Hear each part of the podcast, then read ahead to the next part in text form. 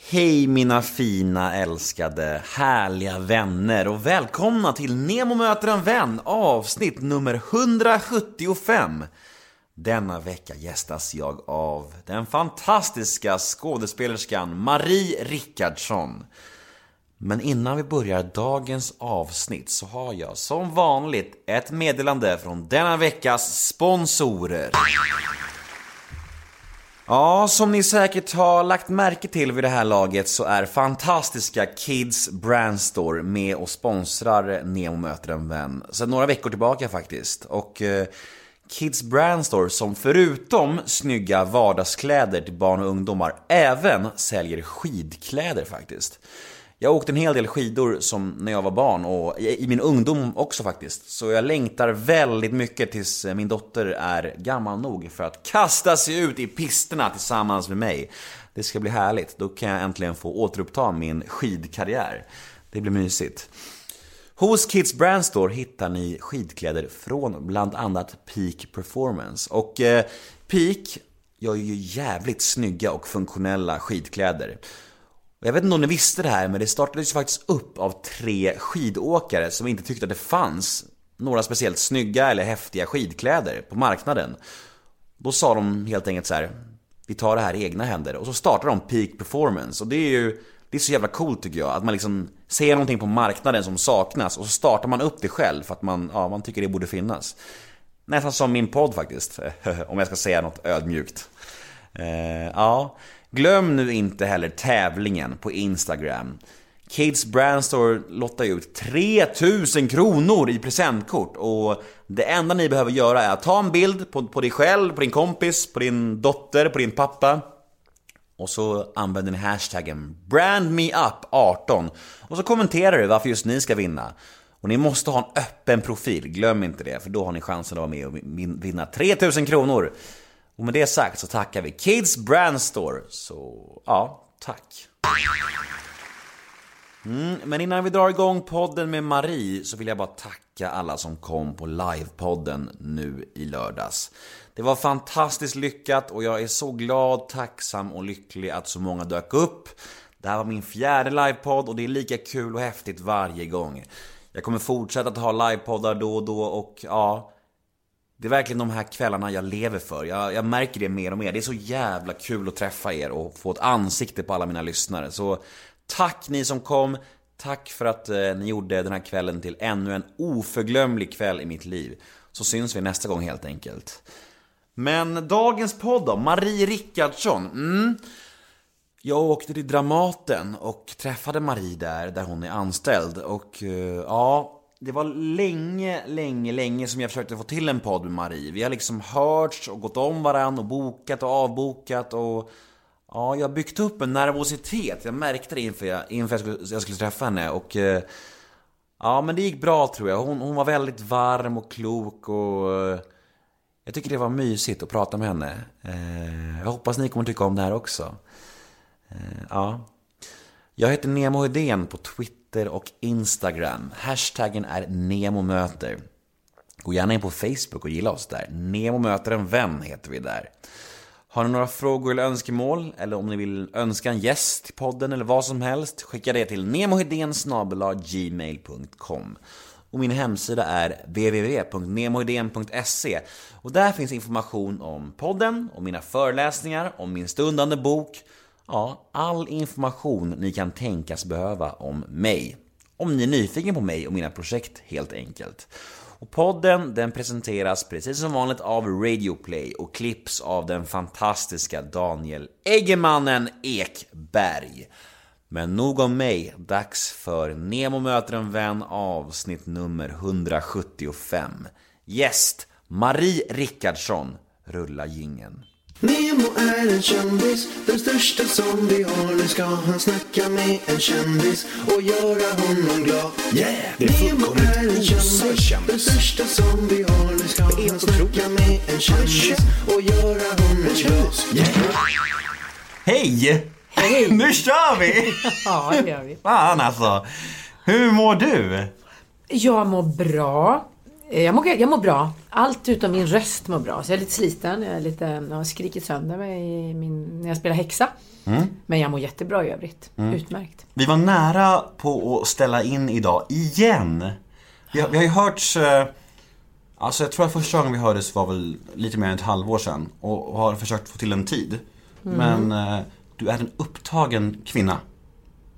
Jag har varit väldigt upptagen under den här tiden. Ja, det har varit mycket med le- lediga måndagarna har gått åt till allt möjligt. Ja, det var, det var nästan...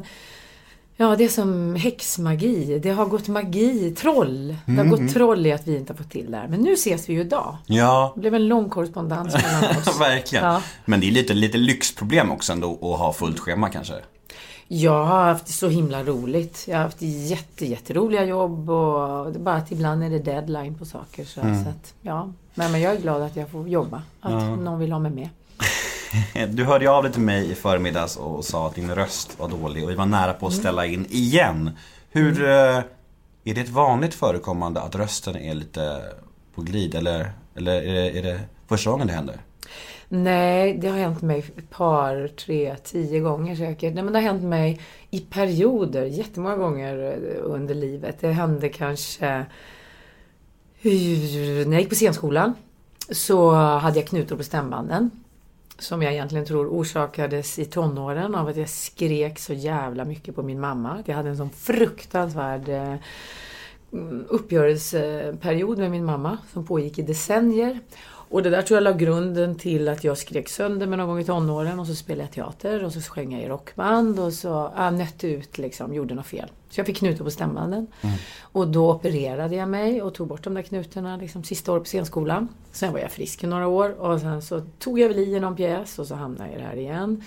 Och så kunde det gå fem år utan problem och så har det på så här. Det har liksom nästan varit en följeslagare i mitt liv. Att liksom, skriker jag fel i någon roll eller om jag blir för arg på någon. Men nu lever ju inte min mamma längre så att jag bråkar ju inte med henne. Men det Och då kan... bråkade ni in i döden nästan? Ja, vi bråkade tills jag var 40 liksom. Oj. Typ. Eller jag bråkade mest och hon bråkade på sitt sätt. Ja, det var väldigt jobbig. Ja. Men sen blev vi vänner på slutet. Eller blev det försonligt på slutet. Men det är ju en egen historia. Liksom. Mm. Vi kanske kommer dit. Vi kanske kommer dit. Vi får väl se. Allting börjar och slutar kanske med ens mamma. Ja, men vem vet? Så är det nog. Eh, vi sitter här på Kungliga Dramaten. Heter det inte så? Det heter nog Kungliga Dramatiska Teatern, tror jag. Mm, bra. Eh, legenderna går i väggarna här kan man säga. Är det, är, är det så här, är det...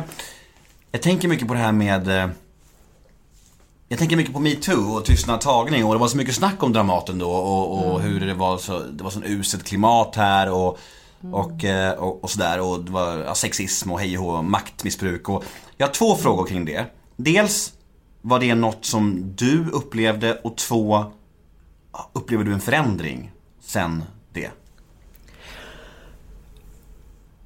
Jag...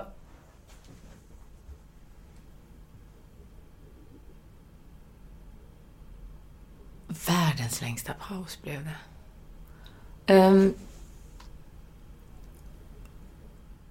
det. Vi upplevde det ju här inne att det blev otroligt mycket möten och en fantastisk eh, öppenhet och eh, mycket personliga berättelser och Alltså det var ju, jag menar hela metoo har ju varit liksom omstörtande. Sen när man är mitt i stormens öga så kan jag väl inte säga att det var ju inte här inne i huset som det verkar när man läste tidningarna och lyssnade på TV och radio. För då lät det ju som om vi bara satt fast i detta dygnet runt att försöka bearbeta dessa, eh, denna, liksom, denna tradition av, vad ska vi säga, som det verkade. Men så var det ju inte. Här inne pågick liksom under hela fasen att vi repeterade och spelade och repeterade och spelade. Och det var ett par, tre personer som jag tror utreddes. Och vi gick på en del möten eh, och det var väldigt bra. Och jag tror att det har varit väldigt mycket för teaterchef och personalchef och sådana saker att ta itu eh, och företagshälsovård att skaffa sig ett helt eh, annat system att kunna ta emot om folk kommer och anmäler eh, en trakasseri. För det har inte funnits här tidigare på ett bra sätt tror jag. Det har åtminstone inte funnits någon uppföljning av det. Men har jag märkt någon skillnad? Jag tycker faktiskt att jag aldrig egentligen, jag har inte råkat ut för någonting själv. Så kan jag inte, jag, jag tycker inte det. Att jag känner, har känt mig, känt mig trakasserad i mitt jobb. Jag har känt mig faktiskt eh, som om jag jobbar med kamrater jag kan lita på. Jag har känt mig trygg på min arbetsplats. Däremot så ser jag ju mönster som har funnits då jag var yngre och liksom skrattade kanske bort allting som jag idag skulle säga, men hallå, vad säger du till mig? Förut så var det en annan tid. Man skulle liksom bara parera som tjej om någon sa någonting. Så var det liksom ett litet skratt och så hålla undan kroppen mm. och så visar man, liksom klarar man sig på så sätt. Jag har aldrig känt mig eh, angripen på något sätt. Och jag är väldigt glad för alla yngre att det plötsligt ändå blir en rensning liksom. Mm. Och att eh, eh, våra chefer i det här huset lär sig hur man gör om det kommer en anställd och säger det känns inget bra liksom. Att en skådespelare känner att jag känner mig inte trygg i kulisserna. Jag har alltid känt mig trygg i kulisserna. Mm. Men det är ju att jag har haft tur och massa olika omständigheter. Mm. Men däremot tycker jag att det känns väldigt skönt att vara på ett jobb där det liksom har tagits på allvar.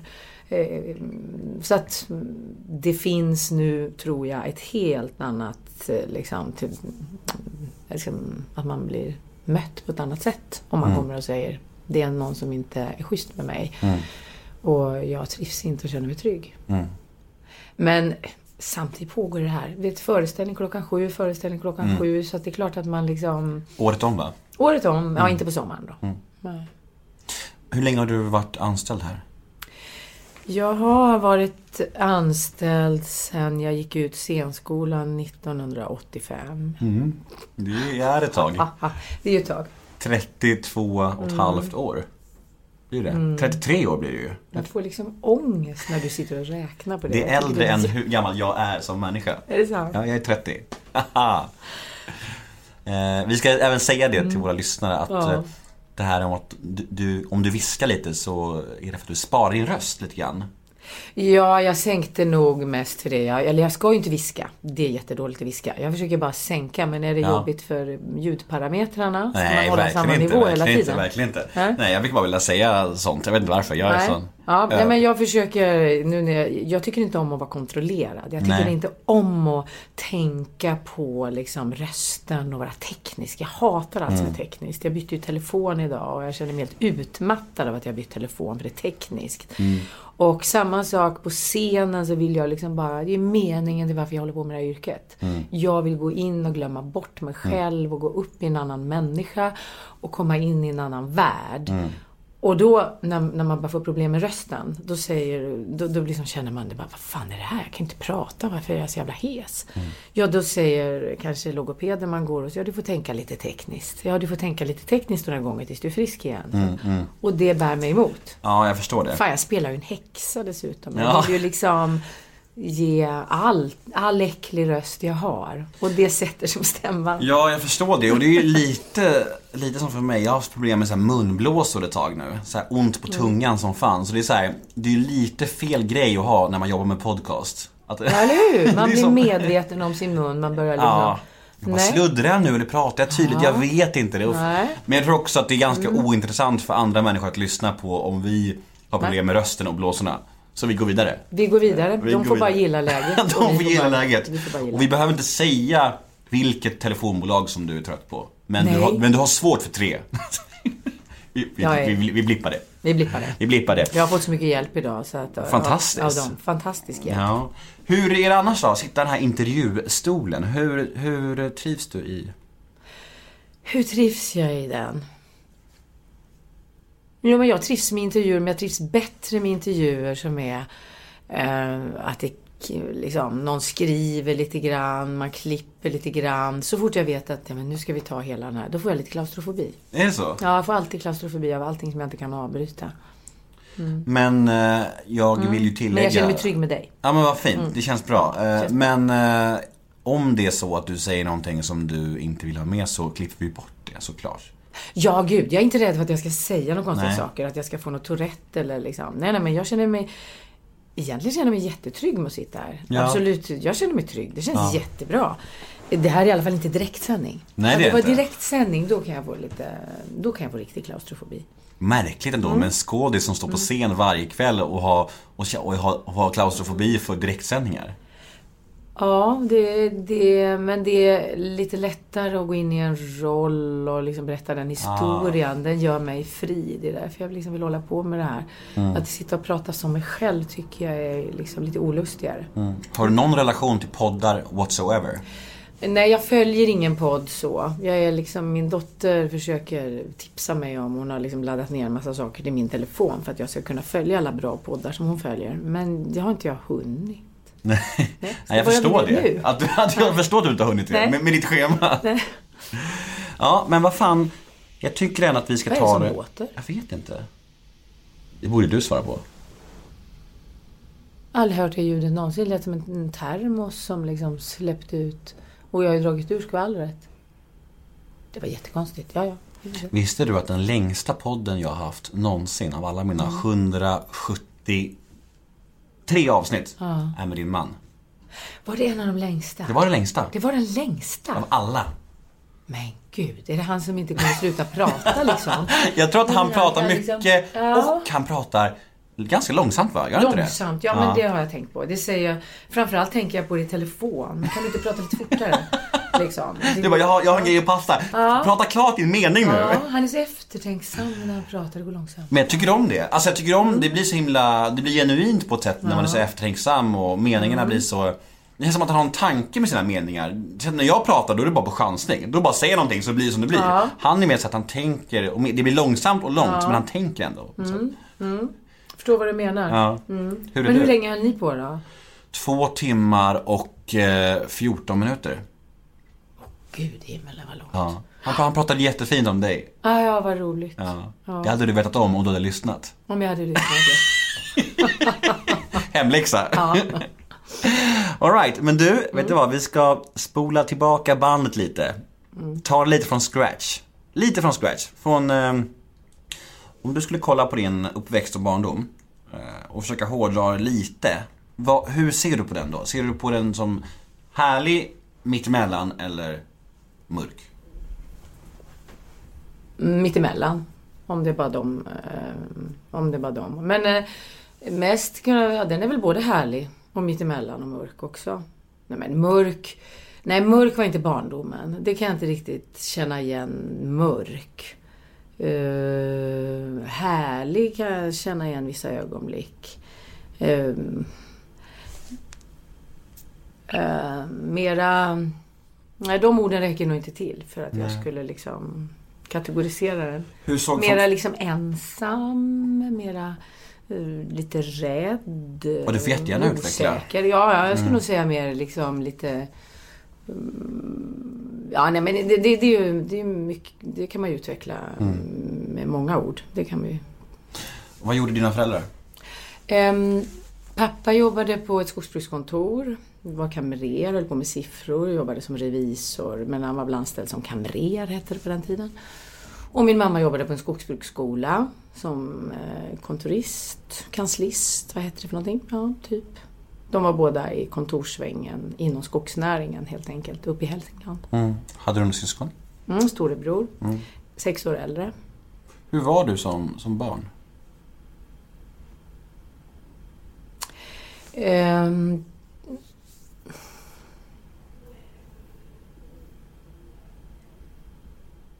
Det känns som det finns ett före och ett efter.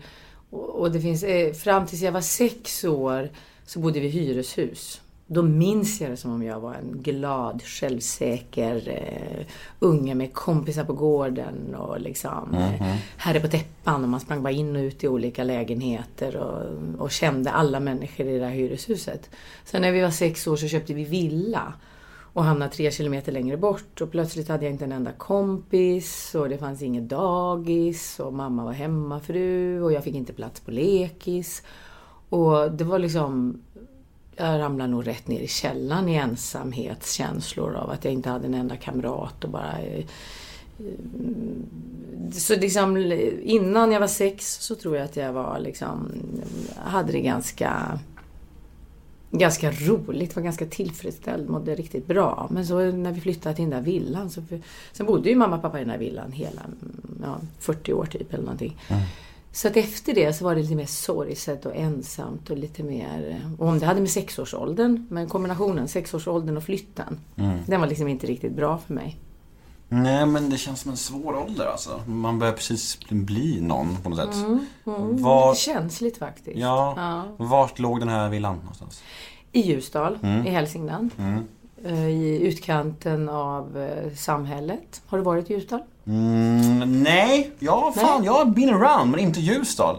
Det, det Nej. måste jag kanske legat på min bucketlista. Ja, det får du göra. Ja. Ja. Det får du göra. Hur var Ljusdal back, back in the days? Vad var det för Ja. liksom... Ljusdal var, allting levde som jag uppfattade det väldigt mycket på skogsnäringen. Det var liksom en stor järnväg som gick genom samhället. På ena sidan låg samhället, på andra sidan låg älven och sen låg bergen och sen låg resten av världen söderut.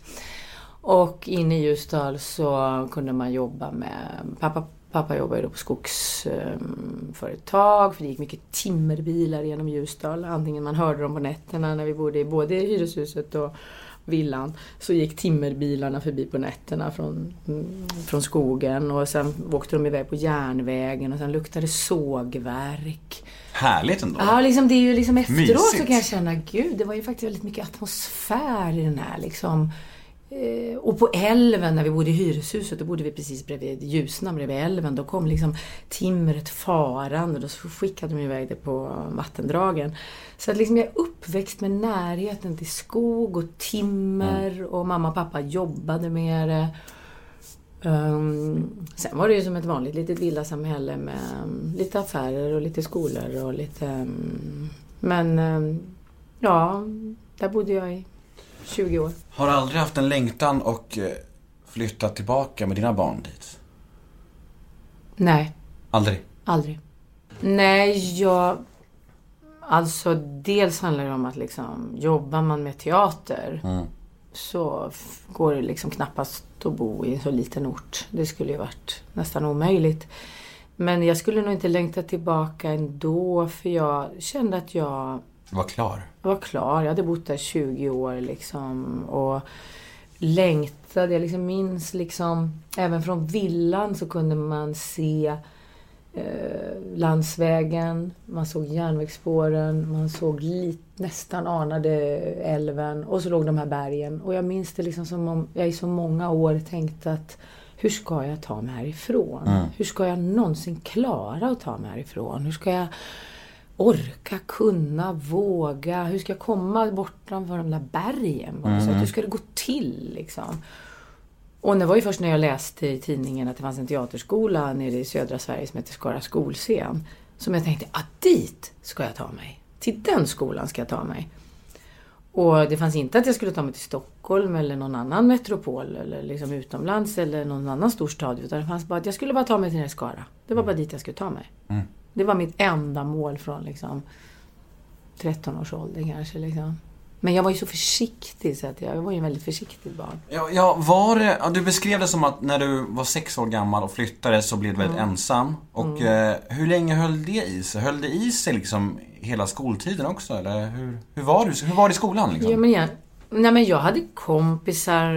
Jag hade kompisar. Jag hade en kompis som jag lekte långklänningar med alla år som vi kallar det. Liksom. Vi lekte långklänningar. Jag hade ju mitt teaterlängtan och hon hade väl också nå- något åt det hållet.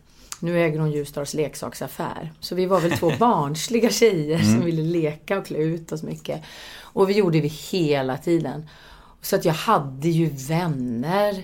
Men det fanns alltid en känsla av liksom rädsla för ensamheten och någon ensamhetskänsla där inne som inte gick att ta på. Lite rädd inför varje sommarlov. Ska jag vara ensam i sommar? Kommer jag bli ensam? Eh, någon rädsla. Och det kan ha varit den här flytten som gjorde mig liksom sån. Eller om jag var lite sån innan också. Jag var ju försiktig innan. Och där kom väl teatern in liksom som någon så här... Där är man inte ensam.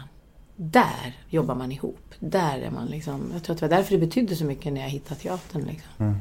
Hur gammal var du när de första drömmarna kom om teater? Sju. Sju. Året efter den stora ensamheten. Ja. ja, jag var sju på avslutningen på, på min sjuårsdag var det. Mm, det var... Var kom det ifrån? Har du haft eh, något kreativt i familjen eller var det bara som att det blixt från ovan? Det kom... Liksom? Ja, nej men liksom, det kom på... Det kom rent... Det var så enkelt att det kom på... Innan det vet jag inte om det hade funnits något. Det tror jag faktiskt inte. Eh, det fanns... Nej, det var på avslutningsdagen den 6 juni. Det var typ den dagen vi slutade på den tiden. Och jag fyllde år samma dag, den 6 juni. Och vi skulle göra uppspel, sketcher för föräldrarna. Eh, jag antar att mamma och pappa var där, eller mamma var det kanske. Men jag, det minns jag liksom inte av att det var viktigt att mina föräldrar var där. Men att det satt en massa föräldrar, att det var mm. full, fullt klassrum, fullt hus, utsålt liksom. Och vi, jag stod på scenen och vi hade, gjorde olika sketcher. Och jag minns det som att jag spelade en läkare. Och jag var ganska, skulle vara ganska sadistisk. Jag skulle, de andra klasskamraterna skulle stå på rad. Och jag skulle slå en träklubba i huvudet på den första så att den började gråta. Och sen kom det en annan som jag skulle säga till dra ut tungan och så skulle jag ha någon stor senapsburk och så skulle jag mm. senap och då skulle den börja gråta och skrika. Och så var det något tredje som också var elakt. Och jag minns det som enormt starkt att, att det var liksom blev koncentration i rummet. Om det var att publiken blev koncentrerad, det vet jag inte. Men jag upplevde själv en koncentration som var special. Liksom. Mm. Och att oj, det här var roligt. Och så när publiken skrattade och jag kände att jag hade full kontroll, att jag liksom eh, visste vad jag gjorde och hade kul. Alltså jag kände det, det fanns ju inga ord för det här då, men efteråt har jag tänkt varför, varför minns jag det så extremt starkt? Så starkt, en känsla av jag förut sa att jag inte tycker om att ha kontroll på scenen, men det där är ju dubbelt. Det var också en känsla av att ha kontroll. Liksom. Mm. Livet i kubik. Mm. Livsförhöjt ögonblick. Ögonblicken man minns därför att tiden stannar och allting blir lite förtätat. Och allting syns klart, allting hörs. Man hör alla ljud, man ser alla...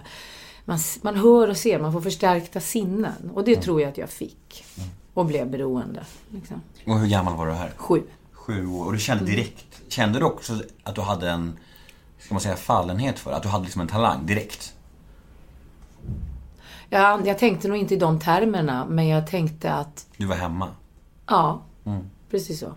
Jag var hemma. Det här, och det var liksom jag själv på ett nytt sätt. Eller mm. jag, den man vill, den man vill vara. Eller där, ja det här, nu. Alltså man känner bara hur man liksom växer lite eller wow.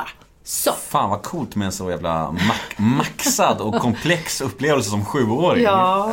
Men den kanske har, växt, den kanske har växt, alltså tankarna mm. om den ja. upplevelsen kanske har växt ju längre åren går också. Ja, och sen har jag, det, det var väl så att det förstärktes liksom. Mm. Det, var, det var födelsedag, det var avslutningsdag, mm. det var Eh, dessutom fick jag pengar av någon släkting liksom efteråt. Och jag visste inte vad skådespelare var. Jag hade ingen aning om vad skådespelare Jag tror inte att jag visste det liksom.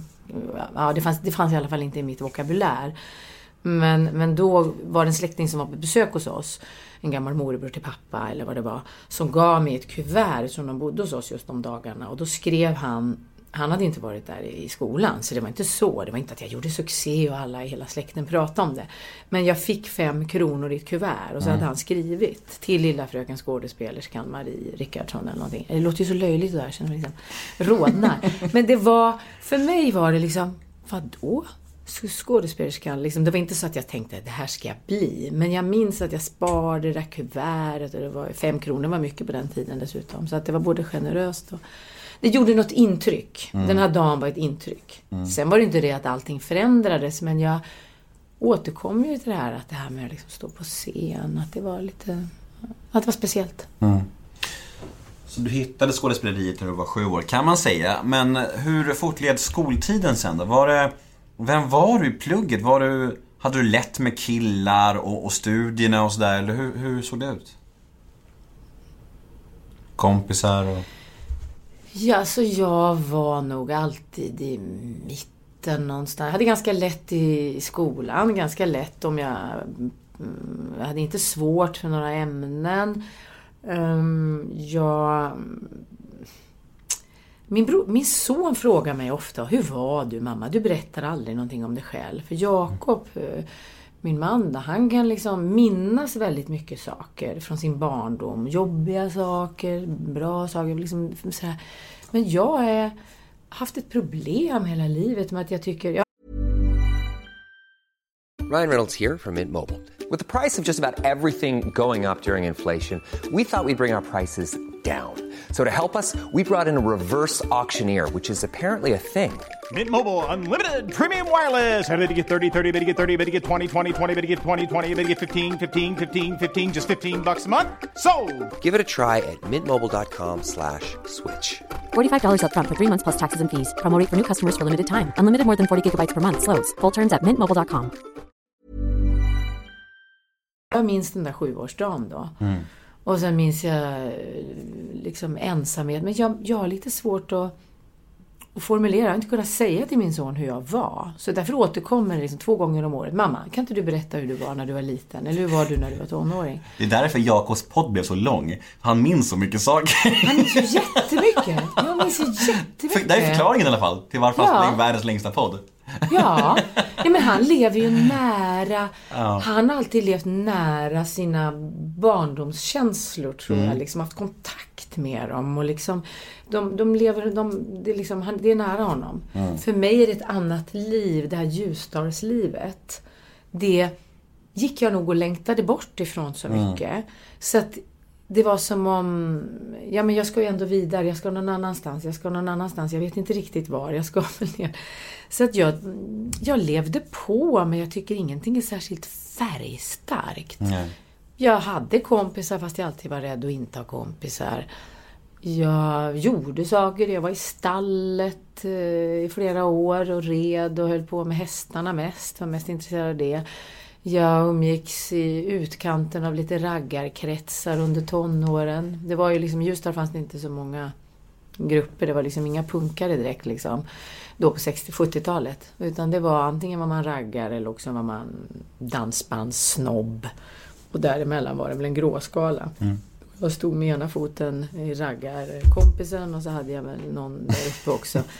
Nej, jag kan inte sätta ord på hur jag var. Nej. Det kan jag faktiskt inte. Hur gammal var du när du flydde till Skara? 20. Jag 20? gjorde ett försök när jag var 19 men då kom jag inte in. Och tänkte jag, vad fan i helvete ska jag ta vägen? Liksom. Så då mm, gick jag ett år till på gymnasiet. Och så gjorde jag ett nytt försök året därpå och så sökte jag och då kom jag in. Mm. Vad pluggade du på gymnasiet? Samhällsvetenskapliga Ja. programmet. Är, gy- är gymnasieåren något att prata om eller är det mest så en väntan på att Ja. nå, nå dit jag vill liksom? Eller? Ja, det var liksom i Ljusdal så umgicks man ju med samma, det var ingen revolution att komma in på gymnasiet att man bytte vänner. För i princip följde man ju samma människor som man hade följt sedan man var sex år.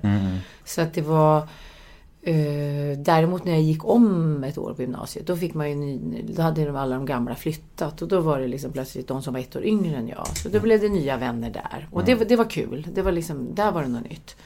Men det var inget drama. Jag höll inte på en massa med droger. Jag var...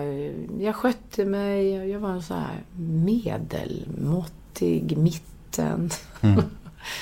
höll på lite med teater och brann för det. Men fick hålla på med det så lite. Så jag gick på sko- hade var med i skolteaterföreningen och sådär. Liksom. Var det ett... När, jag har en fråga här om... eh, Var det medvetet val att... Du fick barn ganska sent, eller skapligt sent kan man säga. Jämfört med din, med din man i alla fall.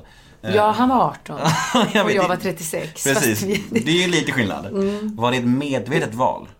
dig? fast det var inte då vi fick barn. Nu låter Nej. det som om jag var 36 och min man var 18 när vi fick Ja. barn. Men han hade men, ett barn men, som men han jag, fick när han var antar, 18. jag antar att de har koll på det, mina lyssnare, för de har ju hört han prata om det. De har hört honom prata om detta i två timmar om kort. Ja.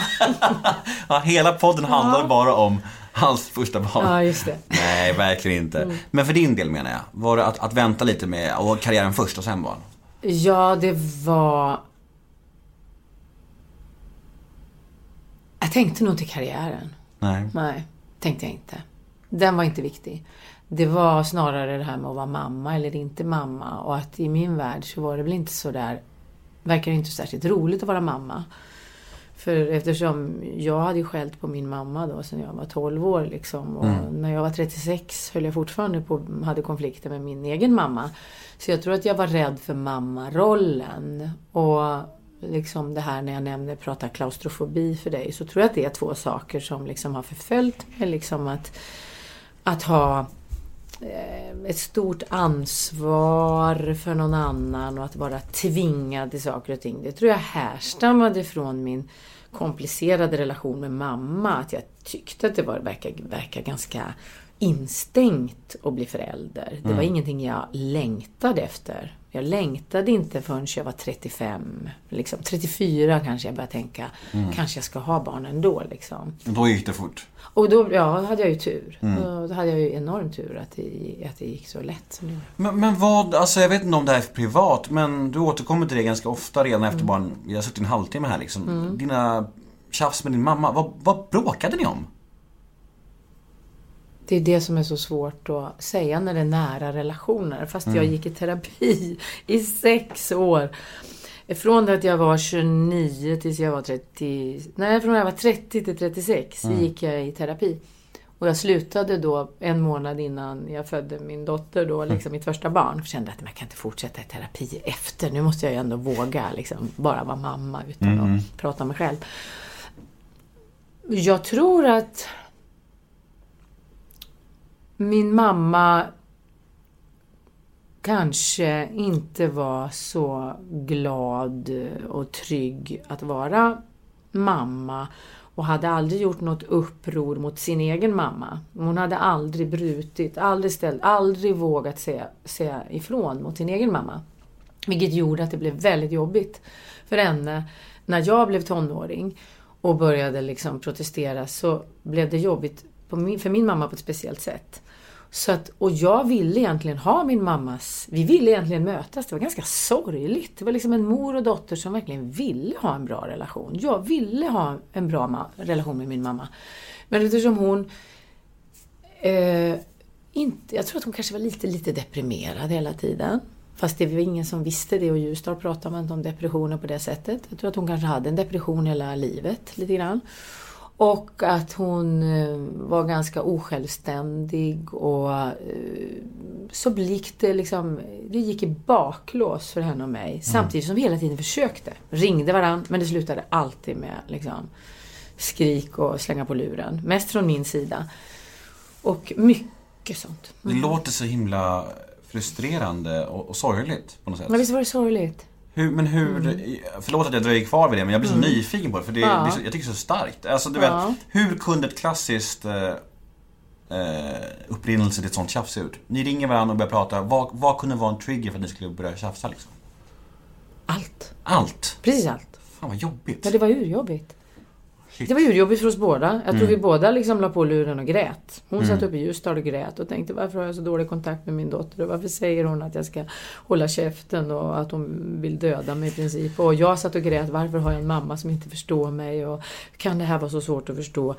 Vi, det var som om, var ja, och liksom att två hon, stenar som slår ihop här. Ja, hon var ju mycket envisare än vad man kunde tro men samtidigt så, så var det, fanns någon sorts rivalitet med allt jag gjorde i mitt liv. Så blev hon både stolt och samtidigt skulle liksom plocka ner mig lite eller kritisera. Hon, var, hon kritiserade väldigt mycket.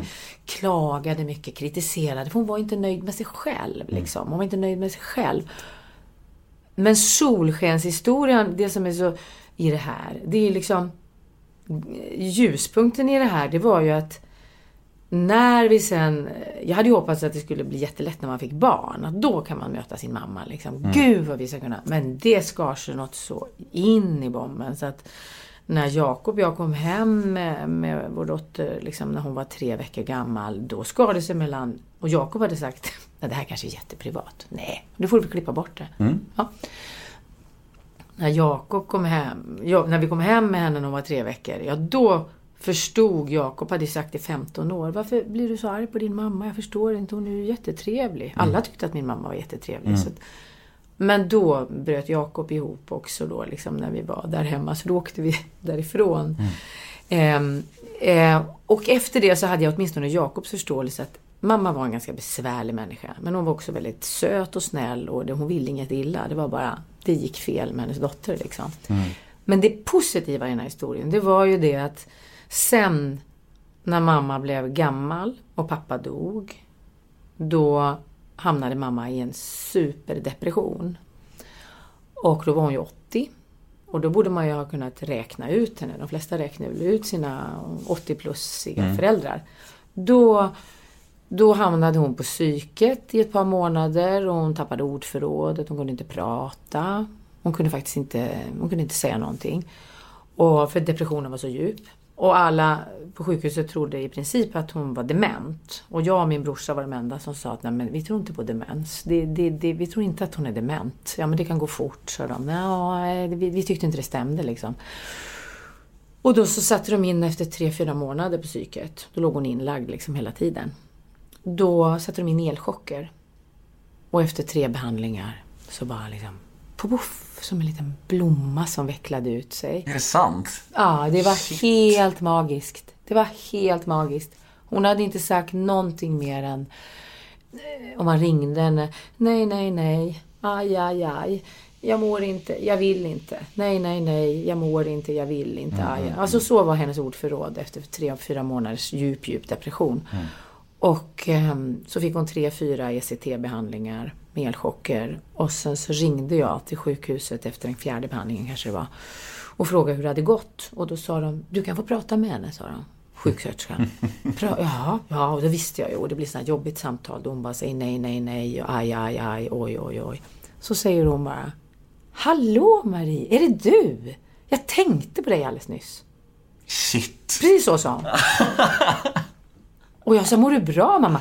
Ja, ja men du vet jag tänkte på dig alldeles nyss, den här, den här, den här kursen jag är på nu, sa hon. Ja, du menar ECT-behandlingen, elchockerna? Ja, ja det heter visst det, den här kursen jag är på. Då var det liksom bara det här. Och sen blev hon helt annorlunda mot hur hon hade varit. Så vi fick en jättebra relation de sista fyra åren. Liksom. Sen blev hon dement på riktigt. Liksom. Efter fyra, fem år. Men då var, det, då var det en Alzheimer som kom. Men däremellan, från 80 till 84 års ålder, så, så var hon kritiserade inte mig för någonting längre. Visade mig kärlek på ett sätt som hon inte hade någonsin varit mäktig till. Jag fick inget lust att platta till henne för hon respekterade mig. Hon, hon var lite för på hela tiden i sin... eh, Att hon inte mådde bra själv. Och det var fyra år utan konflikter kan jag säga. Ni fick ta igen förlorad tid. Ja, och det här tycker jag att jag vill att folk ska veta om elchocker. För jag hade ju bara bilden av gökboet framför mig. Alltså liksom att man blir... Men då blandar man ju ihop det där med lobotomeringen och elchockerna. Men liksom... Det var ett mirakel tycker jag. Och jag säger ju till Jakob, blir jag eh, sådär som mamma, se till att jag får pröva elchocker. Kom ihåg det. Ja, du har ett perfekt fönster här att marknadsföra elchocker i nu. Det bara ditt speech. Ja, men jag, jag tycker det är viktigt. Nej, men jag- jag det håller- kan det verkligen bra. hjälpa folk. Ja, men du ser, det är skitbra ju. Ja, men... Mm, det kan vara fantastiskt. Marie Rickardssons tips till folk. Ja, eller? Perfekt. Eh, men pratade ni, alltså ni fick fyra fina år, men pratade ni då någonting om hur det har varit? Fick ni någon sån här försoningsprat? Eller var det som att ni bara sket i hur det har varit? Ja, det behövdes inte. Nej. Behövdes inte då. Jag Var du, inte nyfiken, var- var du inte nyfiken på varför hon hade varit som hon hade varit? Det tror inte jag riktigt att hon eh, hade kontakt med riktigt. Utan det var som om hon blev lite omskakad i sin hjärna. Och så tänkte hon, oj vilka fina barn och barnbarn jag har. Och jag är här och nu nu. Och, jag hade inget behov av... Vi hade haft så fruktansvärt mycket konflikter. Och jag hade stått och skrikit på henne att du borde gå i terapi och, och sådär. Vilket hon aldrig vågade för det, var så skambelagt. Nej, jag hade inte behov av det. Jag bara tänkte det som att gud vad fantastiskt att relationer kan förändras efter 80. Liksom. Det var Verkligen. över för mig. Liksom. Jag hade... Verkligen. Ja, vi hoppade lite där Mm. Ja, i tiden kan man ja, säga. ja, Men det blir lätt så Ja. i intervjuer att man hittar på något sidospår så bara fan, Ja, var var vi Vi snackar om eh, Skara. Du stack Oj, till Skara. Jesus. Ja. Yes, yes. Vad, hur var det där då? Var det som att det var liksom du hittade hem och, och var det som att du blom, blommade ut där? Kan man säga det?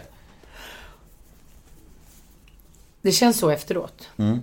Men när jag var där så ska man bli sanningens namn. Jag hittade några gamla, jag har slängt alla dagböcker, jag slänger i princip sånt. Men jag hittade några så här, vet, gamla anteckningar och då var det så här, kom, jag mår inte bra och gud vad detta är svårt, åh vad jag känner mig ensam och alla andra är så bra och du vet sådana där tankar.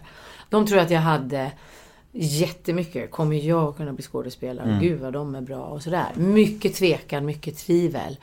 Men när jag gick ut efter det där året så, så hade jag ju fått vänner för livet och känt att nu är det inte tåget mot Norrland och mer. Nu, är det, nu ska jag, nu jag ska söderut. Jag ska, jag ska inte uppåt överhuvudtaget. Jag ska bara mm, söderut i landet eller söderut i världen.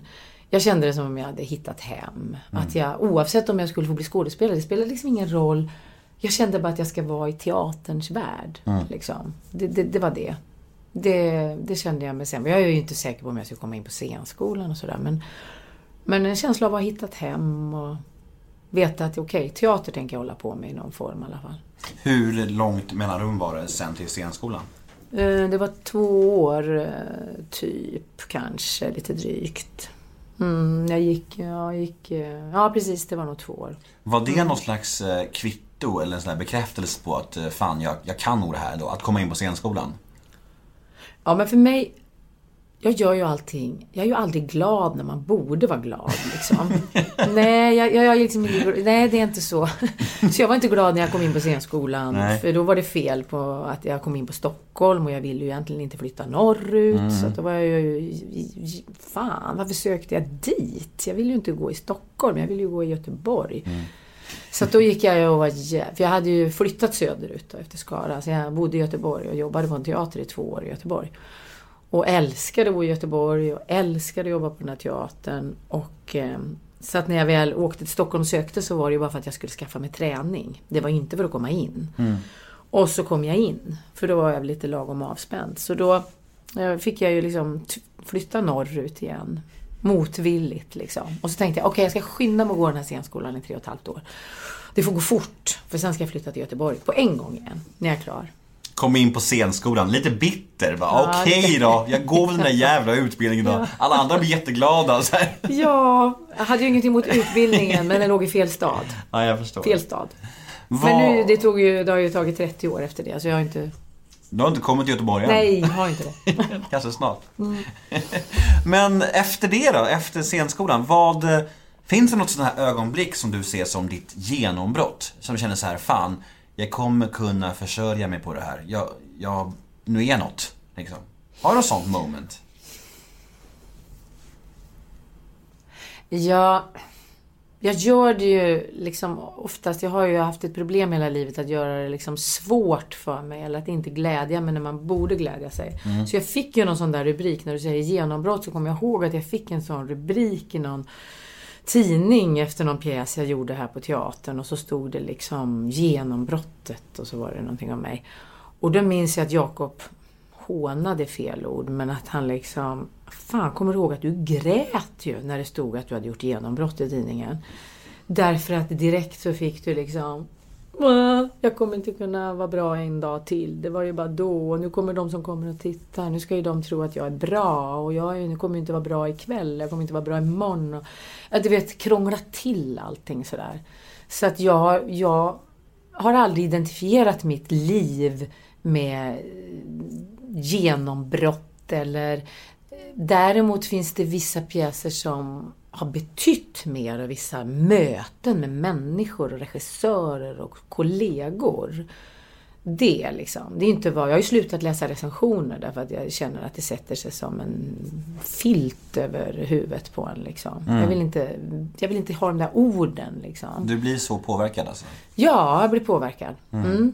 Ja, det gör jag. Jag tror det var, det Mm. var en sån grej som, som eh, rinner av en efter lite, med lite rutin, tänker jag. Så. Ja, det borde ju vara så att man borde kunna sätta sig över och vem är det som skriver det? Ja, ja, men jag vet vad jag gör. Men jag tycker liksom att... Men är du, är du så rädd för att låta dig formas av recensionen då, eller?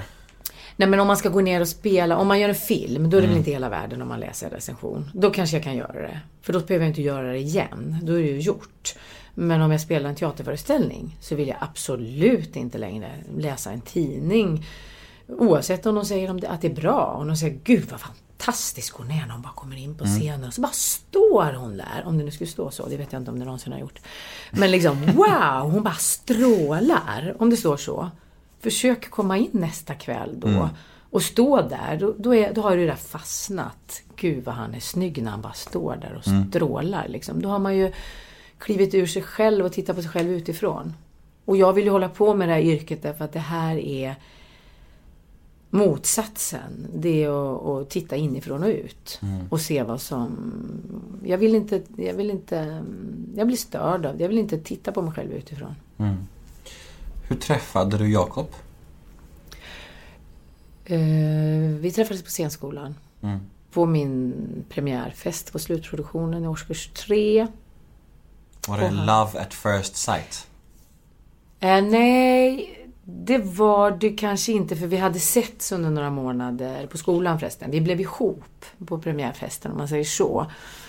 Eh, att jag gick fram och sa någonting om att han var min favoritetta eller något sånt där. Det var du som raggade på honom alltså? Ja, det var det. Det är sant? Ja, det var det. Härligt. Det var det. Ja. Mm.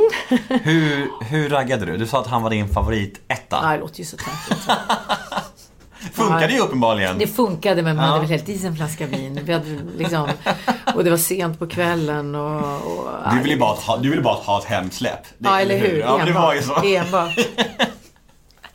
Nej men då hade vi, vi liksom, eh, vi hade liksom um, pratat lite grann liksom i, med, med gemensamma vänner och jag tror att eh, Ja, vi hade liksom setts lite grann under några månader på skolan. Det var väl lite spänningar i luften. Men det var liksom, ja.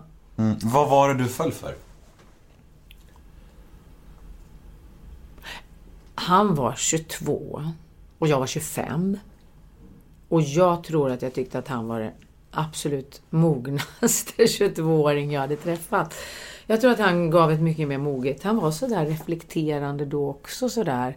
Han, han utstrålar någonting annat än vad många av eh, killarna som, i mina ögon, de som gick på scenskolan. Jag tyckte, han kanske var den, en, han var den enda som hade barn också.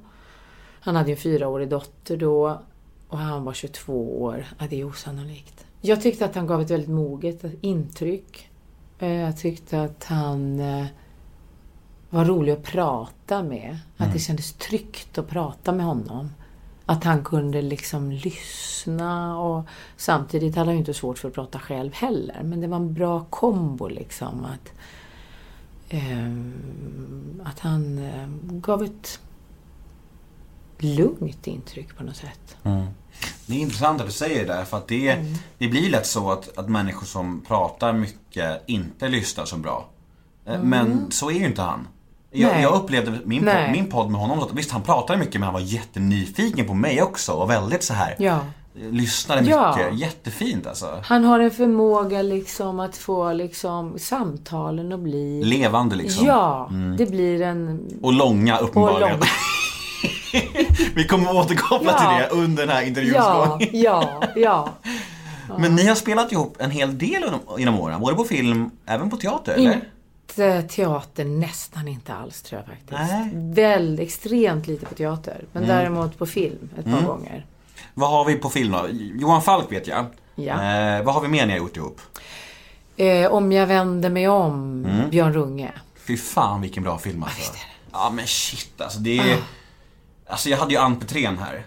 Ja, Åh, ja, så älskar Ann alltså. ja. Vilken Strålande skådespelerska. Ja. Strålande. Jag tycker att det är en av de bästa svenska filmer eh, som har gjorts måste jag säga. Mm. Och eh, ja, du får jättegärna berätta lite om, om den inspelningen och så här, om... Ja, det var, det var fantastiskt. Det är såna där... När, du pratar, när vi pratade om eh, recensioner eller och, och, mm, vad, det står. Alltså, där är sånt där som... Om jag vänder mig om, det är sånt som... Det är sånt där avgörande liksom arbete som har enorm betydelse. Och jag var bara med tre dagar i den filmen. Det kan man säga, man kan hålla på tre månader, tre år med någonting och så minns man ingenting efteråt. Medan om jag vänder mig om, tre inspelningsdagar hade jag i den filmen. Och det var liksom fantastiska tre dagar. För det var liksom när allting bara gifter sig, när det liksom bara stämmer. Det var så jävla roligt. Det var liksom fruktansvärt betydelsefullt. Och kombinationen av gängets skådespelare och så Björn Runges sätt att arbeta ihop med fotografen. Det var när vi var i den här villan, den här eh, mardrömsparmiddagen liksom. Mm, ja, ja. Ja, och när vi filmade det, vi gjorde det väl två nätter i rad, tror jag vi gjorde det två nätter. Men det var liksom sådär, man kommer, jag kommer aldrig glömma liksom hur magiskt det var att liksom eh, Fotografen Ulf Brantås hade klätt sig i liksom svart luva, såg ut som en rånare. Och hon som var B-foto hade också rånarluva och svarta kläder. Och alla, och C-fotot hade det. Varför? Därför att, det låter ju helt knäppt när jag börjar i den här änden, men därför att vi be- befann oss i en villa och det var natt och det var enorma glasfönster, det var västkusten med utsikt ut mot vattnet. Och för att det inte skulle bli re- reflektioner när vi rörde oss i det här rummet. För Björn Runge hade en idé om att vi liksom skulle kunna röra oss runt i det stora vardagsrummet och dansa och att kameran skulle vara med oss rörligt. Och, det, och för att de inte skulle synas då i reflektionerna i rutorna så var de alla klädda i svart. Liksom. Shit alltså. Och det hade jag aldrig sett innan och jag har aldrig sett det efteråt heller. Liksom. Så de var liksom svarta så här. Och så, och så rörde sig kameran runt oss hela tiden och vi, vi ehm, det kändes som vi var ute efter ett nytt sätt att filma. Det kändes, man visste inte vad vi var ute efter riktigt. Björn pratade mycket om att han ville pröva något nytt. Och, och vi hade ju bara två nätter på oss och skulle vi göra den här mastodontlånga scenen. Och så var det sånt teamwork, då liksom inte bara vi skådespelare var nära varandra, utan just eh, filmteamet, regissören och fotografen. Vi var liksom, det var nog liksom drömmen om ett ensembleverk, drömmen om gemensamt fokus och gemensam närvaro. Ja, otroligt fokuserat. Mm. Kände ni redan då att det vi skapar just nu är någonting? Någonting händer här. För jag tänker att det måste ändå vara svårt när man gör så mycket filmer och serier och så här, att, att ha koll på när det blir verkligen bra. Vet man någonsin om det själv? Så här, det här kommer bli framgångsrikt, det här kommer bli bra. Eller är det bara liksom ett lotto som skådespelare? Ja, det är ju liksom, det är inte... Ibland känner man ju det här, nu fick vi en bra scen. Det kan man känna med sin, eh, med sina motspelare och regissören. Jo, men det här blev bra. Men sen kanske det inte blir bra i sitt sammanhang. Eller sen kanske det inte blir en... eh, När det kommer i filmen så kanske det har varit någon annan scen innan och någon annan efteråt. Så den får inte den digniteten man hade trott att den skulle få. Eh, sen kanske scenen är bra medan ibland känner man ju Ibland kan man ju tro att någonting blir skitbra och så blir det inget bra alls. Det, men lite känner man väl. Men, men om jag vänder mig om så var det som om det spelade inte så stor roll. Så brukar jag, liksom, jag brukar inte tänka att det här måste bli ett mästerverk. Det här kommer bli Guldbagge-nomineringar på. Det är liksom inte så man tänker. Man tänker bara det här var ju magiskt. Det här var ju speciellt. Sen får vi se vad det blir. Men gud vad häftigt det var. Och sen var det ju först när jag såg filmen på någon liten festival nere i Båstad liksom. När jag och Jakob och Pernilla tror jag var där och vi satt och tittade på filmen. Och man bara kände, i en liten, liten biosalong. Alltså, oh wow, det håller! Och jävlar alla bitarna liksom. Nej men gud, det, det flyger, det svänger, det rör sig, det lever. Det lever liksom. Ehm, Innan var det bara en jä två jävligt roliga nätter i, i den här villan. Men då var det också att vi var på en rolig inspelningsplats, att vi bodde på ett fantastiskt fint pensionat runt hörnan och vi hade med våra barn. Så det var så eh, speciellt där på Om jag vänder mig om. Allting var speciellt. Att barnen bodde på hotellet och vi hade liksom, vi satt upp och käkade liksom, vi filmade hela natten och sen gick vi och käkade middag klockan sju på morgonen liksom, eller frukost eller vad det nu var. Nej men det var, det var allting var speciellt. Men man visste ju inte hur helheten skulle bli. Och som det blev. Och som det blev. Och som det blev. Ja. Ja, vad, vad var vi? Vi var någonstans, vi snackade om när du och Jakob har jobbat ihop. Vi har, om jag vänder mig om, Johan Falk. Det är mer grejer, ganska många grejer, är inte det? Ehm, jo, om jag vänder mig om var det roligt för där skulle vi i alla fall inte vara ett par. Där skulle vi vara liksom någon sorts älsk... Då skulle han vara gift med någon annan och vi var... Just det. eh, precis. Då var vi bara eh, älskare och älskarinna. Men det är kul att alla känner likadant om den filmen. Alltså jag har ju snackat med både Jakob om den, med Ann och Ja. Leif också. Ja. Och alla. Alla känner samma. Ja, ja, ja. Ja. Och jag. Ja, och du. Vi, vi är som ett gäng. Ja, vad roligt. Får jag vara med i ett Ja, gäng? det får du. Vad härligt! Vi kan Äntligen. starta en, en, en ny podd om jag vänder mig om, klubbpodden. Ja, om jag vänder mig om podden, Mm, podd. Vad, är det något mer ni har gjort ihop? Um, Falkserien sträckte sig under 17 år så att där, det var ju många filmer under många år liksom. Det var ju 17 års tid. Um, just nu Pip det Larsson? Var inte Nej, du där var inte jag med. Nej, då klipper vi bort det, för där får skämmas annars. Nej, för det, nej, jag var inte med i Pip Vem var mamman i Pip Larsson?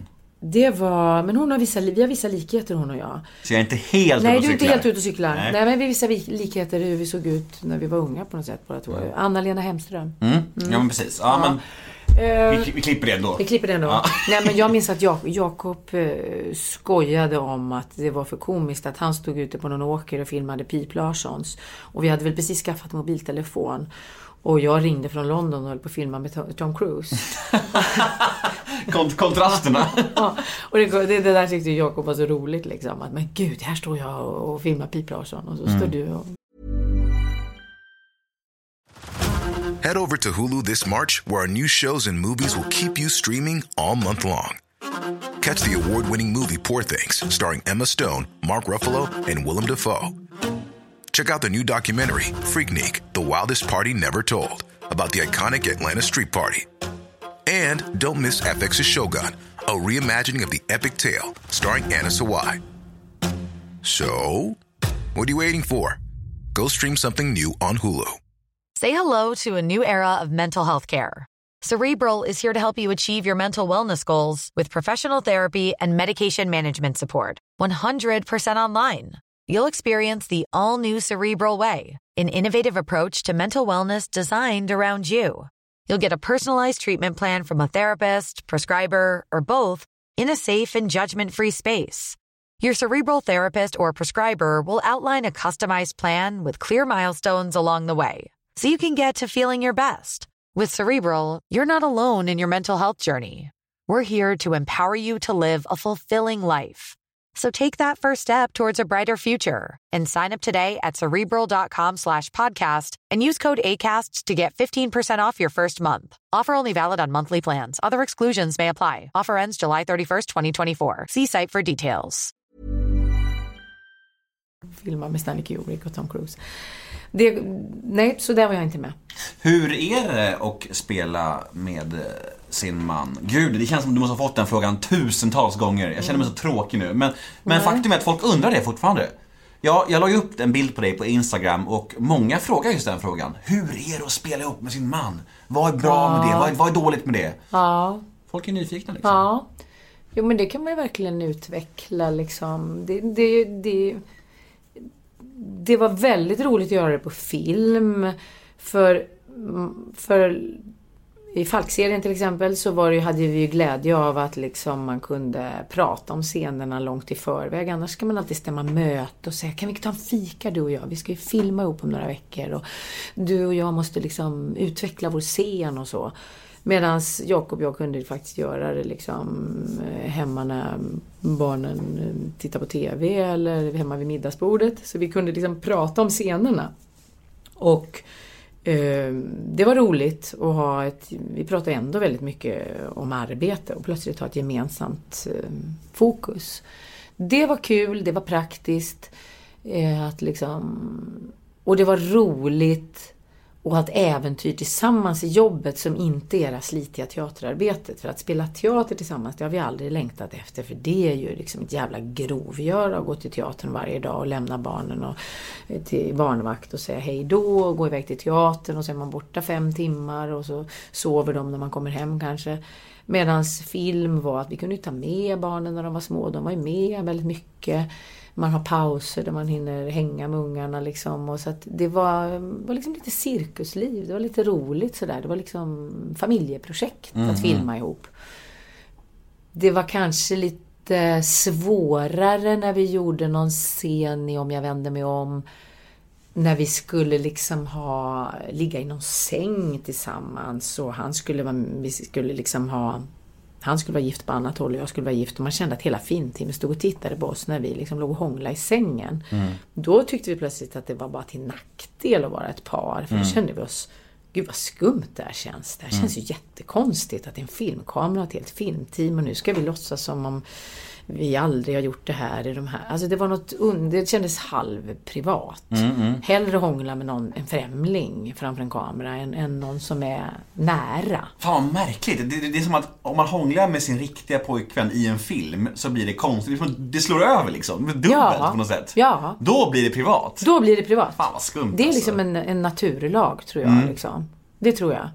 Om det inte är så att man kanske, kanske det skulle kännas annorlunda om, man, om det var så att det var så man hade blivit ett par. Om man ser två filmstjärnor som möts i en film och spelar kära i varandra och så blir de ihop i den filmen. Då kanske man har en vana sen eh, i nästa film om man ska göra fler filmer.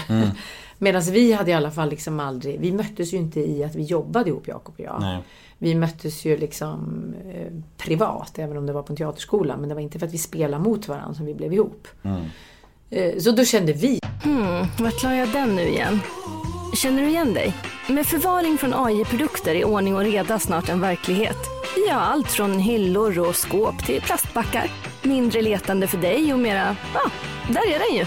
Upptäck flexibel förvaring på ajprodukter.se.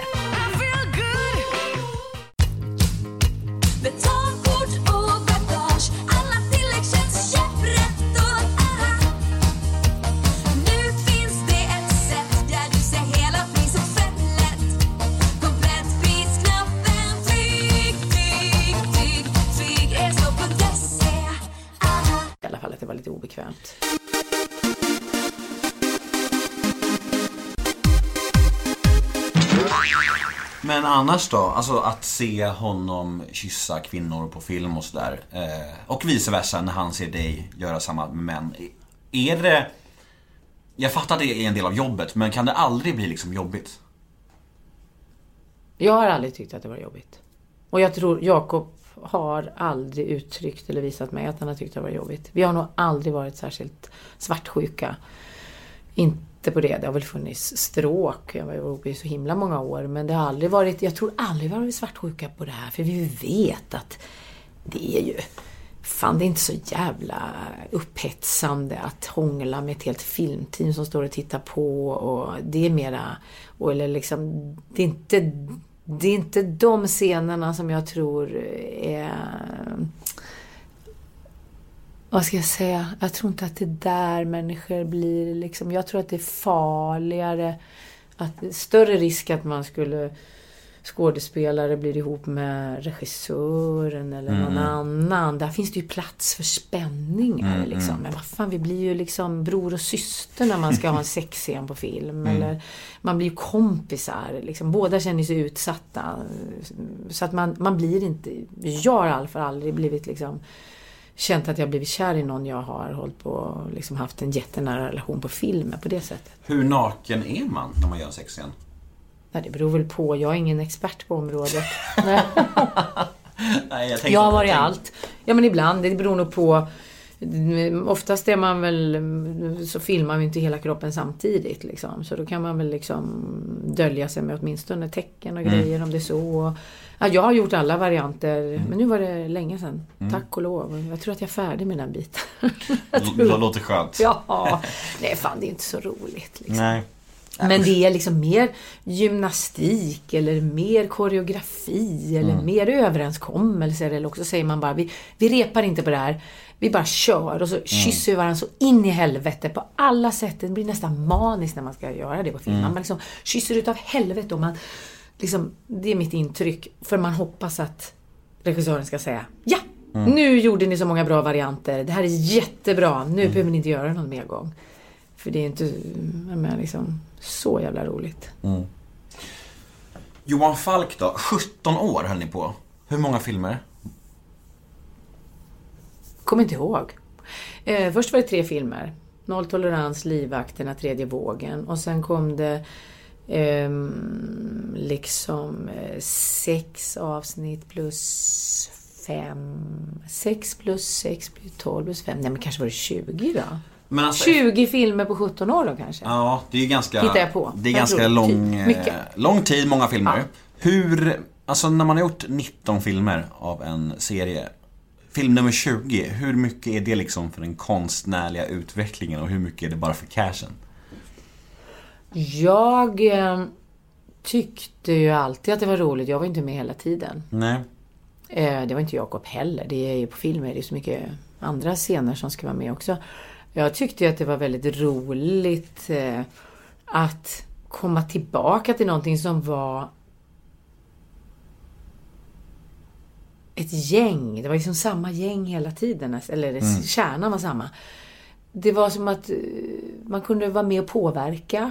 Man kunde, det var liksom som om de här rollerna var några man kände. Det var som att återvända till gamla vänner. Menar, gamla vänner tröttnar man ju inte på att träffa. Och så blev det till slut att även de här rollerna och hur ska nu eh, liksom Helen, Johan Falks fru, hur har hon utvecklats till den här gången? Nu har det gått tre år sedan sist och jag var ju inte med i varje avsnitt heller ska jag säga. Så att jag tyckte alltid att det var väldigt kul. Tänkte liksom mer på Fan vad roligt att göra det igen. Det var, stor, det var väldigt lustfyllt. Både Jakob och jag tyckte det var lustfyllt hela vägen som jag upplevde det. Och det var också ingången var ju så rolig från början att Anders Nilsson var ju så eh, okänd, oetablerad och, och frågade Jakob mitt under när han höll på med Pip Larsson tror jag. Om han ville komma och göra Johan Falk ungefär. Det var i Att det- princip på den nivån. liksom. att det är så länge sedan. Ja, så länge sedan. alltså. Ja, så länge sedan. Och sen blev jag tillfrågad och då hävdade Anders Nilsson att han hade ingen aning om att vi var ett par. Eh, utan han hade bara tänkt på mig för han hade sett mig i något annat sammanhang. Det vet jag inte om det är sant, men så sa han. Och så gick vi in i det här och tänkte, gud, actionfilm i Sverige, det kan man väl inte göra? Det blir ju alltid kalkon och det här kan väl inte bli bra? Och det var samma sak, samma feeling som om jag vänder mig om på ett sätt att man vet inte riktigt liksom när man går och tittar på det för första gången om det ska eh, ha lyft eller inte. Om man tänkte actionfilm, kommer han ha fått ihop den där storyn liksom? Och då hade vi gjort jättemånga actionsekvenser som var roliga att göra för jag hade aldrig varit med om något liknande. Och sen kommer man på första visningen och bara kände wow, liksom. Nej men det här, är, det här är bra. Det här är faktiskt eh, något av det bästa i genren hittills i Sverige. Det här var ju liksom, när var det? Slutet på 90-talet liksom. Så att det- var, därför var det ju, hade bara man ju kvar den här känslan av att vi var lite på upptäcktsresa med Anders Nilsson i första filmen. Och då blev det ju en gemensam liksom, liksom, platta att stå på att fan, vi gjorde nolltolerans utan att, att veta om det skulle bära eller brista. Och så, man trodde bara att det skulle bli en film. Och den kunde bli kalkon eller det kunde möjligtvis bli anständigt. Men så blev det bättre än vad man hade trott. Och då blev det ju rätt roligt. En gemensam framgångssaga. Man är med tillsammans man är med på resan. tillsammans. Liksom. Ja, vi var liksom... Vi, vi gjorde verkligen, det var verkligen teamwork liksom. Fint. Ja, det var roligt. Ja, Jag är nästan lite blödig här. Ja men eller hur, det är det man längtar efter. Ja. Man, liksom, det är väl meningen med livet och meningen med yrkeslivet. Mm. Att man ska få vara med om saker som man inte hade räknat med. Eller Nu- bli, bli, bli överraskningar. Nu tog du av dig glasögonen här. Använder Ja. du glasögon för att du behöver? Eller Ja, är det, det- bara för att se smart ut? Ja men... Definitivt för att jag behöver det. Definitivt. Nu tycker jag att Ja. eh, du, du nu, nu, på, nu, påminns jag om dina roller lite mer. Nu, nu, du har sällan glasögon i, i filmroller. Nej, jag... Ibland säger ju folk att nej men gud vi ska pröva med glasögon. Men så slutar det alltid med att fotografen säger nej men gud jag får så tråkiga reflexer. Och det blir så tråkiga reflexer. Ja, så att det, det slutar alltid med att man, man kan inte ha glasögon. Nej, ta av dem nu. Ja, och nu tog jag av mig dem kanske för att jag nu känner dig lite bättre. Mm, är du trygg nu? Ja, och då ser jag dig bättre. Men när jag liksom inte ser, då måste jag liksom... Nu, nu vet jag att du tittar på mig liksom. Ja. Jag försöker göra det så ofta, ofta jag kan. Ja. Du. Alla älskar Alice. Mm. Eh, också en film som gjort avtryck på många. Det är intressant när man lägger upp dig, eller alla mina gäster, när man lägger upp dem på Instagram så, så blir det tydligt vilka roller som har gjort avtryck. Och vilka liksom, grejer som folk är nyfikna på. Ja. Det är liksom, eh, med dig så är det Johan Falk då, Alla älskar Alice, Skärgårdsdoktorn frågar många om. Eh, Känn ingen sorg, eh, innan, vi, innan vi dör. Ja. Eh, vilka var det mer? Det var eh, Torka aldrig tårar. Det, det är de grejerna som, som många liksom så här, som har satt sig. Alla älskar Alice då, till till exempel. Varför tror du att den har satt sig hos folket? Jag tror att när den kom så tror jag att den var ganska ny på hur, att skildra ur barnets perspektiv, eh, skilsmässa. Att den var... Eh, jag tror att det var, det var en stark skildring av liksom hur den här tonårs... Eller vad hon nu gammal hon var, 12-årsåldern. Den här flickan slits mellan mamma och pappa och sina lojaliteter. Och att det var en, en stark historia som kom rätt i tiden. Det, man ska ju alltid komma rätt i tiden också. Timing är liksom. väl allt. Timing är... Ja. Hur minns du inspelningen? Jag minns den väldigt, väldigt positivt. Jag minns det som ett oerhört ehm,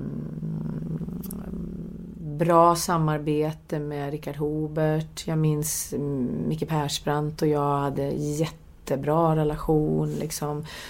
Fast jag skulle vara så jävla arg på honom för att han sviker mig och, och blir ihop med Lena Endre istället. Eh, ja, jag hade väldigt roligt. Jag tyckte att det var en väldigt rolig inspelning. Um, sen refererar jag allt till barnen så direkt så tänker jag, ja men just det, min son han var ju bara pytteliten, han var typ ett och ett halvt år eller någonting. När jag höll på med den där. Och då var det... Mm, ja men det var... Ja, men det, var, det var en rolig inspelning och den var viktig. Den kändes som ett bra manus och mm, bra kollegor. Ja, jag minns den som jättepositivt. Och så minns jag sådana här äventyr. Jag är ju så icke-äventyrlig själv. Liksom. Jag är så jävla försiktig fortfarande så att jag vill liksom aldrig göra några äventyr. Och då är det så underbart när man får vara med om äventyr på jobbet. Och då minns jag så här ögonblick att vi skulle åka till Norge och om det är att jag tar barnen i filmen och drar iväg till Norge av någon jäkla anledning. Kidnappar barnen eller någonting för att straffa min man där. Och då var det liksom så här serpentinvägar. Jag skulle åka omkring i någon vit cabriolet och, och jag skulle köra fortare och fortare på de här serpentinvägarna. Det tyckte jag faktiskt var ganska läskigt liksom. För jag är väldigt säkerhetsmedveten liksom som, som eh, chaufför liksom. Rädd att man, när man är på filminspelning så kan man glömma bort sig för man tror att liksom, nu är det på låtsas. Man tänker inte på att man kör en riktig bil och har riktiga barn i bilen. Men så till slut så minns jag när, jag, när de stod och skrek i någon walkie-talkie liksom. Marie kan du köra fortare? De stod liksom på någon klippa och så skulle jag köra på serpentinvägen och de skulle filma uppifrån och ner så här. Och till slut så, så drabbades jag tack och lov av att nej men alltså här går min gräns. Jag kör gärna fort men, men jag kör inte med barnen i bilen och jag kör inte liksom på de här serpentinvägarna fortare. Då tog de in stuntkillen och så satte de några tygbylten i baksätet och så såg jag ju sen då hur, hur den chauffören blåste på för fullt liksom. Och så hade jag ju aldrig kunnat blåsa på, då hade jag ju flugit av vägen liksom. Man vet att man är ganska trygg och försiktig i livet om man tycker att det är ett äventyr att åka till Norge. Ja, men att köra Jag rally på jag serpentinvägar. Jag vet. Det hade varit, det hade varit roligare om Det du, om, lät- du, om du inte kom dit. Ja, jag, jag, jag, dit. menar, om du hade bara sagt halva meningen så här. Du bara, Ja, jag åkte fick till jag åka till Norge? ja, Det var allt. Det var del. allt. Det hade nog kunnat vara så också. Ja. Att man får komma till landskap eller liksom, det var ett månlandskap där. Att man bara får komma. Jag tänker varje gång jag är på filminspelning, nej men gud, ska vi upp på den där bergstoppen? Ska vi in i den där skogen? Det är mitt i natten, det regnar ju. Fan, jag fryser, jag är trött, jag vill inte. Och alltid så är det så fantastiskt häftigt för man man går ju inte upp på den där bergstoppen när det regnar och snöar privat. Man undviker ju det, men att få se de här obekväma miljöerna. Eh, det, är- det är som att, jag vet inte, det var någon som sa, jag tror det var Rolf Lassgård, vi stod på någon sån här inspelning i Skåne, i Wallander och det bara ösregnade, det var mitt i vintern. Och vi frös och de hällde vattenslang, de stod vid brandkåren var där och hällde, det skulle regna fast det regnade inte, hällde så här vattenslangar på oss. Så det bara strilade isvatten. Och då minns jag liksom jag och Rolf Lassgård och några till och vi stod där och tänkte att det här är ju tortyr, man höll ju på att frysa ihjäl. Och så tror jag Rolf som sa, det är väl det här som gör att folk blir hopsvetsade i lumpen för livet. För det är så, man plågas tillsammans och liksom bara liksom, men man är med om så här. Och efter det så blir man ju liksom väldigt, väldigt så här nära varandra för man har haft det tufft tillsammans. Och det blir ett bra minne. Det blir ju... ja, Det blir bra ja, story. Det blir bra story och det är liksom, man glömmer det aldrig. Och om man nu har lätt att glömma allt annat i livet, som jag har, jag glömmer ju allting hela tiden i livet. Då kommer jag ihåg sådana där ögonblick som lite så här extra obekväma. Blir det något mer innan vi dör? Målsättningen är den. Mm. Eh, Det jobbas på det. Det skrivs manus och jobbas på det. Det låter hemlig. Ja men plötsligt så blir jag ju osäker på om det är 100% klart eller 100% inte klart. Så det får jag återkomma i nästa podd med dig. Jag tror att det är många som vill det. Mm. Det var ju, fanta- det var ju vi också. Mm. fantastiskt. Ja, jag med och, och Adam med. Ja, ja. det vore hemskt roligt. Mm. Vi hoppas på det. Eh, Jag, jag tror att det lutar åt att vi ska göra en fortsättning. Mm, vad det kan kul. Hur, var, hur var den eh, serien att göra? Den var väldigt tuff och lång. Och det var apropå obekvämt så var det väldigt mörkt och vinter och kallt och långt. Men det var meningsfullt eftersom det var så jäkla bra eh, plott och en så bra roller och bra situationer. Så att det var, mm, det var ett, ja men du vet så här, man känner att det här är värt det är värt alla obekväma mm, tider och slit men det var, det var jävligt spännande. Det var jävligt givande. Men det var ju långt, vi höll ju på i 6-7 månader eller någonting. Det var ju en lång serie, 10 avsnitt. Jag gissar att du känner dig, att du, att du, att du anser att teatern är ditt hem. Det, giss, det förutsätter jag. Att, eh, du, kan, du kan få svara på det själv också om du vill. Nu, nu tar jag på mig glasögonen igen. Nu, Nu tar hon på sig glajjorna igen. Mm, Men vad... Ja men det där växlar, så kan Mm. jag känna. Jag kände ju alltid att teatern var liksom teater och då talar jag inte om Dramaten, då talar jag om vilken teater som helst. Mm. Teaterrummet, teatern som metafor för liksom teatrar. Det var liksom, så kände jag i, i liksom hela mm, barn och ungdom. Mm. Det var teater. Jag drömde aldrig om att göra film, film liksom. Och sen så ham- halkade jag in på det någon gång i 30-årsåldern liksom. Och sen har det gått i vågor att jag kan känna att teatern är grundjobbet. Men eh, film kan kännas eh, lika mycket hemma när man är i rätt sammanhang. Man måste ju liksom vara med rätt människor och så. Och rätt manus och rätt historia. Och visst är väl TV och film mycket bättre betalt, va? Inte så? Absolut mycket bättre. Så att man kan liksom ha råd att vara lite ledig också och liksom man, Åka till Norge. åka till Norge och sånt och, och vara äventyrlig. Precis. Absolut, ja men det, det är ju helt andra gager. Jag hörde av- från någon, jag vet inte om det var Torkel Pettersson som sa det, eller någon anställd på Dramaten sa att det är ganska usla löner.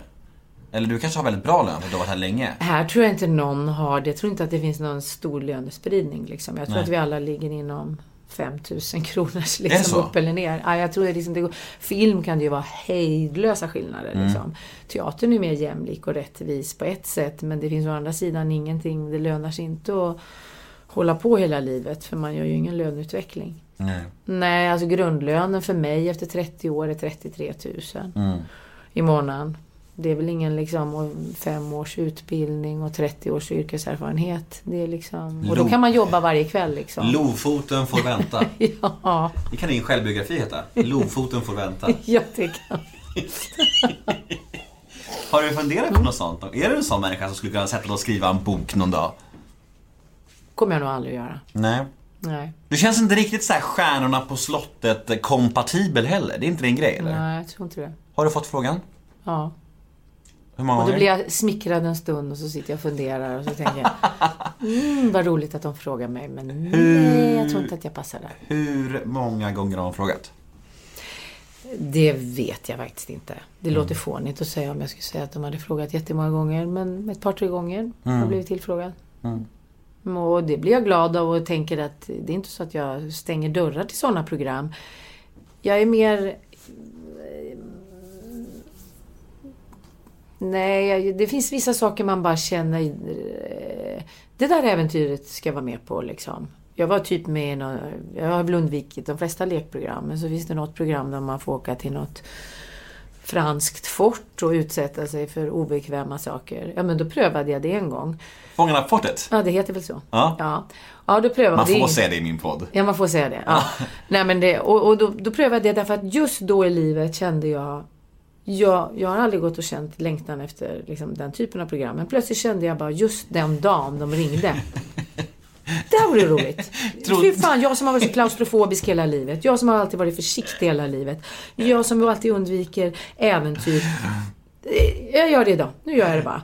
Och jag hade väl kunnat åka dit på egen hand också, men då hade det väl inte blivit av. Så jag tänkte, nej men nu vill jag testa. Och Trodde du att det här var SVT eller Sveriges Radio? Du, bara, du kunde inte säga namnet på Nej, men programmet. nej, jag försökte vara rolig. Jaha, jag det var ett att- sätt att vara rolig. Alla vet ju vad det heter. Ja, men det var kul. Det var Ja, ja. Ja. Det var ett misslyckat sätt att vara rolig. Jaha, Ingen okej. fattar Jag trodde du det bara så här, roligt. jag får Nej. inte säga märken. Nej, nej, nej. Det här är jättekommersiellt, sorry.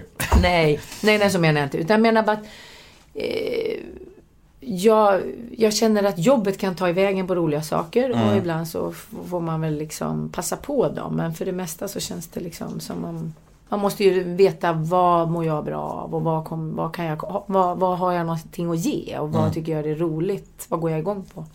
Om producenterna för Stjärnorna på slottet ringer dig och säger så här. Hej Marie, du får 10 miljoner och du får bestämma resten av castingen. Men du kan fråga mig igen om det skulle hända. Jag kan inte svara på det för liksom... Nej, det, vissa jobb finns det väl... Jag, jag kan inte svara på det. Jag tänker inte... Jag tänker inte på prislappen för det mesta. Men så finns det ju naturligtvis. Om det kommer en dag precis när jag bara sett att oh shit, vi måste sälja vårt sommarhus. Vi har inte råd med amorteringen. Då kommer jag ju naturligtvis nappa på det. Så kommer det vara. Och jag har inget principiellt emot det. Det, det är mer, det måste komma vid rätt tillfälle och det måste vara rätt människor och det måste vara, då kanske man kan göra, ja, då kan allting bli intressant. Allting handlar ju om kontexten och sammanhanget. Har du någon drömuppställning där, om du skulle vara med? Här. Vilka skulle du vilja ha med då? Med dig? Och, men ja, nej, det är så långt har jag inte tänkt. Men jag gissar att, jag, jag, om de skulle säga så, så skulle jag ju bara, då skulle jag ju bara välja dem som jag känner mig superbekväm med. Jakob? Ja, Jakob och liksom mina bästa väninnor. Ja. Och så tänker jag, men gud, det låter ju... Då, varför ska vi ses och ha kamerorna på då? Nej, men då är det väl bättre att vi ses en kväll utan kameror. Då blir det som att hångla med Jakob på film, på film ju. Ja, det är bara ja men då blir det privat. Ja. Ja, nej, men det måste ju vara lite... Det måste ju vara någonting oväntat också. Vilka är dina bästa skådisväninnor? Ja, mina bästa skådisväninnor, det är nog min äldsta väninna Pia Johansson, som vi gick Skara skolscen med. Vi, ja, vi hängs åt fortfarande. Och så har jag, mm, träffar jag Katarina Evelöv väldigt mycket nära. Och så har jag ett antal till som jag träffar lite då och då sådär. Men det är väl Pia och Katarina som jag liksom har följt längst, tror jag. Typ 35 år eller något. Pia är väl uppe i 40 år eller något. Jag vet inte. Ja. Men Pia, är det hon komikern? Ja. Ja, precis. Ja, precis. Då har jag koll. Bra. Nu ska vi gå ner i det mörka rummet och prata om ångest. Ångest. Nu har vi hållit på en stund och går vi ner i det hålet. Yes. Har du någon Tänk om vi inte kommer upp igen. Har du någon eh, press? Tidspress? Nej, det har jag inte. Nej. Rösten Om inte är min tidspress. Om vi inte kommer upp igen. Ja, vi, Nej. vi kommer Mm, upp. ja. När mår du som sämst? Vad får du riktigt mycket ångest av? Mm. Ja, väldigt mycket. Jag kan säga att jag tycker att jag har ångest varje dag. Och jag tycker att jag mår väldigt dåligt någon gång varje dag. Jag tycker att jag har alla tillstånd varje dag. Jag kanske gråter en skvätt varje dag. Jag är jävligt lycklig varje dag. Jag tycker livet är underbart varje dag och jag kan tycka att livet är skit varje dag. Jag är liksom inte så långvarig. Det är ganska korta stråk eh, av alla, alla lägen. Men om man ska specificera det så är det väl... Det är nog...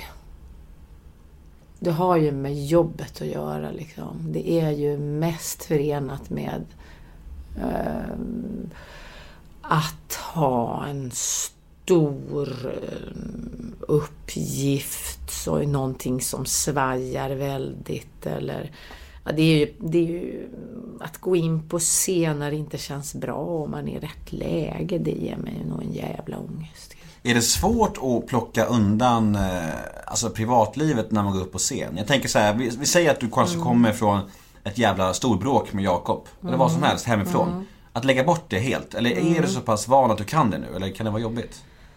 Ehm, det kan ju vara väldigt jobbigt liksom när man går hemifrån, när man kommer till teatern eller till filminspelningen. Det är jobbigt när man sitter i sminket. Man tänker hur fan ska det här gå? Det är jobbigt när man tar, på sig, tar av sig sina kläder och tänker att man ska ta på sig rollkläderna. Då har man nytta av de här ritualerna liksom. Det hjälper en faktiskt liksom att inte att komma direkt ifrån en konflikt med barnen eller mannen eller någonting jobbigt. Eh, förr i tiden var det då mamma eller någonting sånt där. Så har man ju lite nytta av att okej, jag går till teatern och jag tar på mig sminkrocken eller jag, jag går och så får jag hjälp och så fixar de håret och så försvinner det där lite bit för bit och så tänker man på vad är det jag ska in och göra och så möter man sin underbara kollega som säger hur mår du idag? Nej, jag mår skit. Jag har bråkat hemma. och fy fan. Ja, gud, det gjorde jag med igår. Och så får man lite kontakt. Eller nu jävlar ska vi ha roligt ikväll. Vi får använda oss av det här, vet du. Liksom, Det gör vi. Vi använder oss av det här.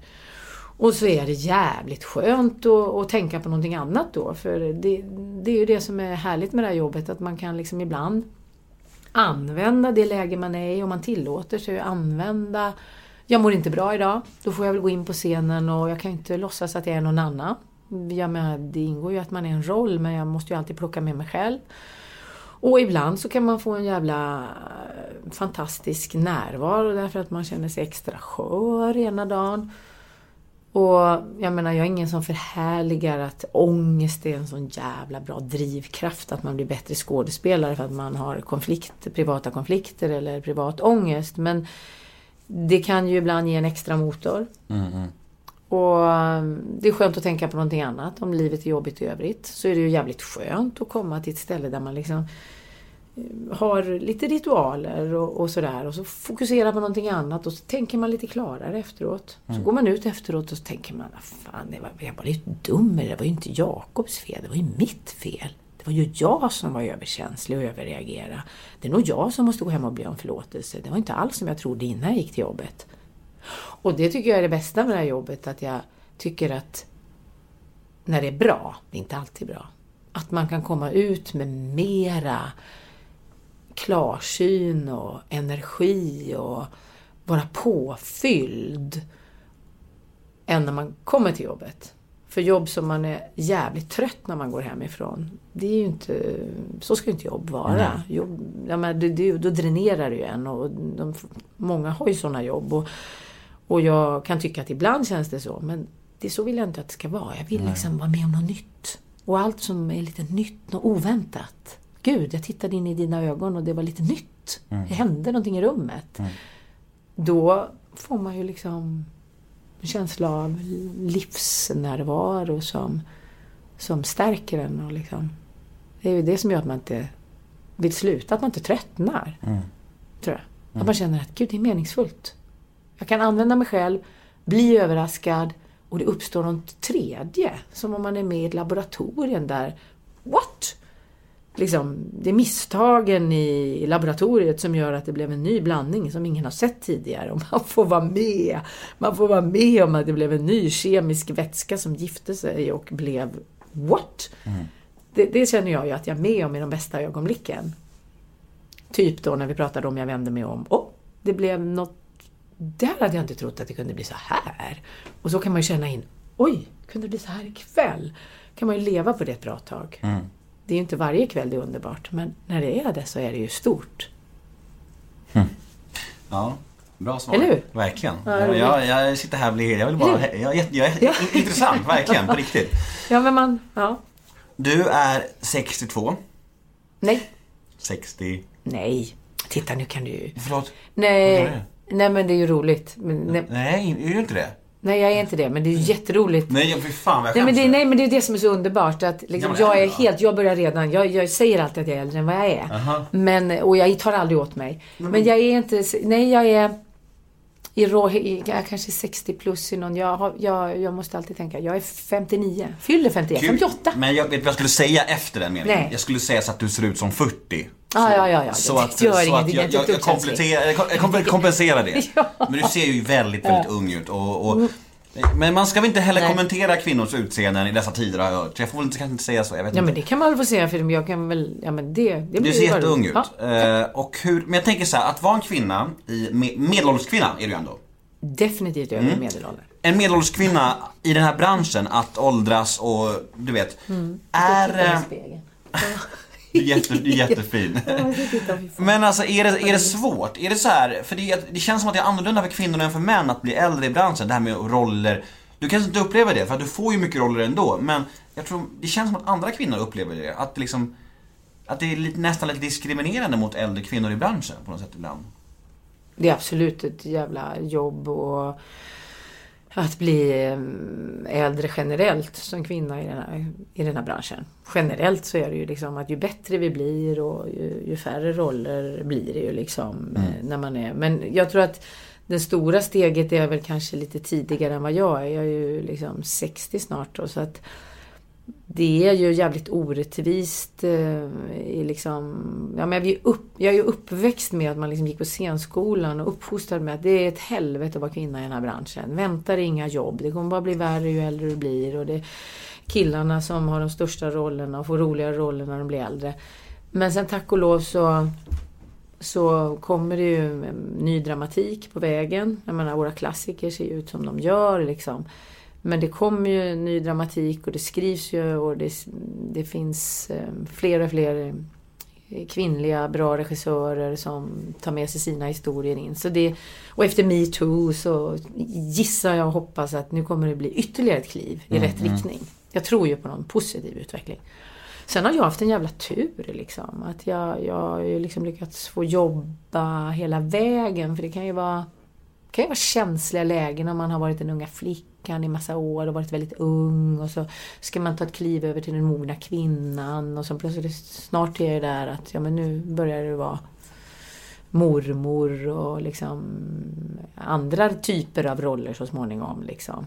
Jag har liksom fått vara med och fått jobba i de faser jag har varit. Liksom. Jag har haft... Men är det åldrande, är det förknipp- förknippat med ångest för dig? Är, det, är du tillfreds med ditt åldrande? Uh,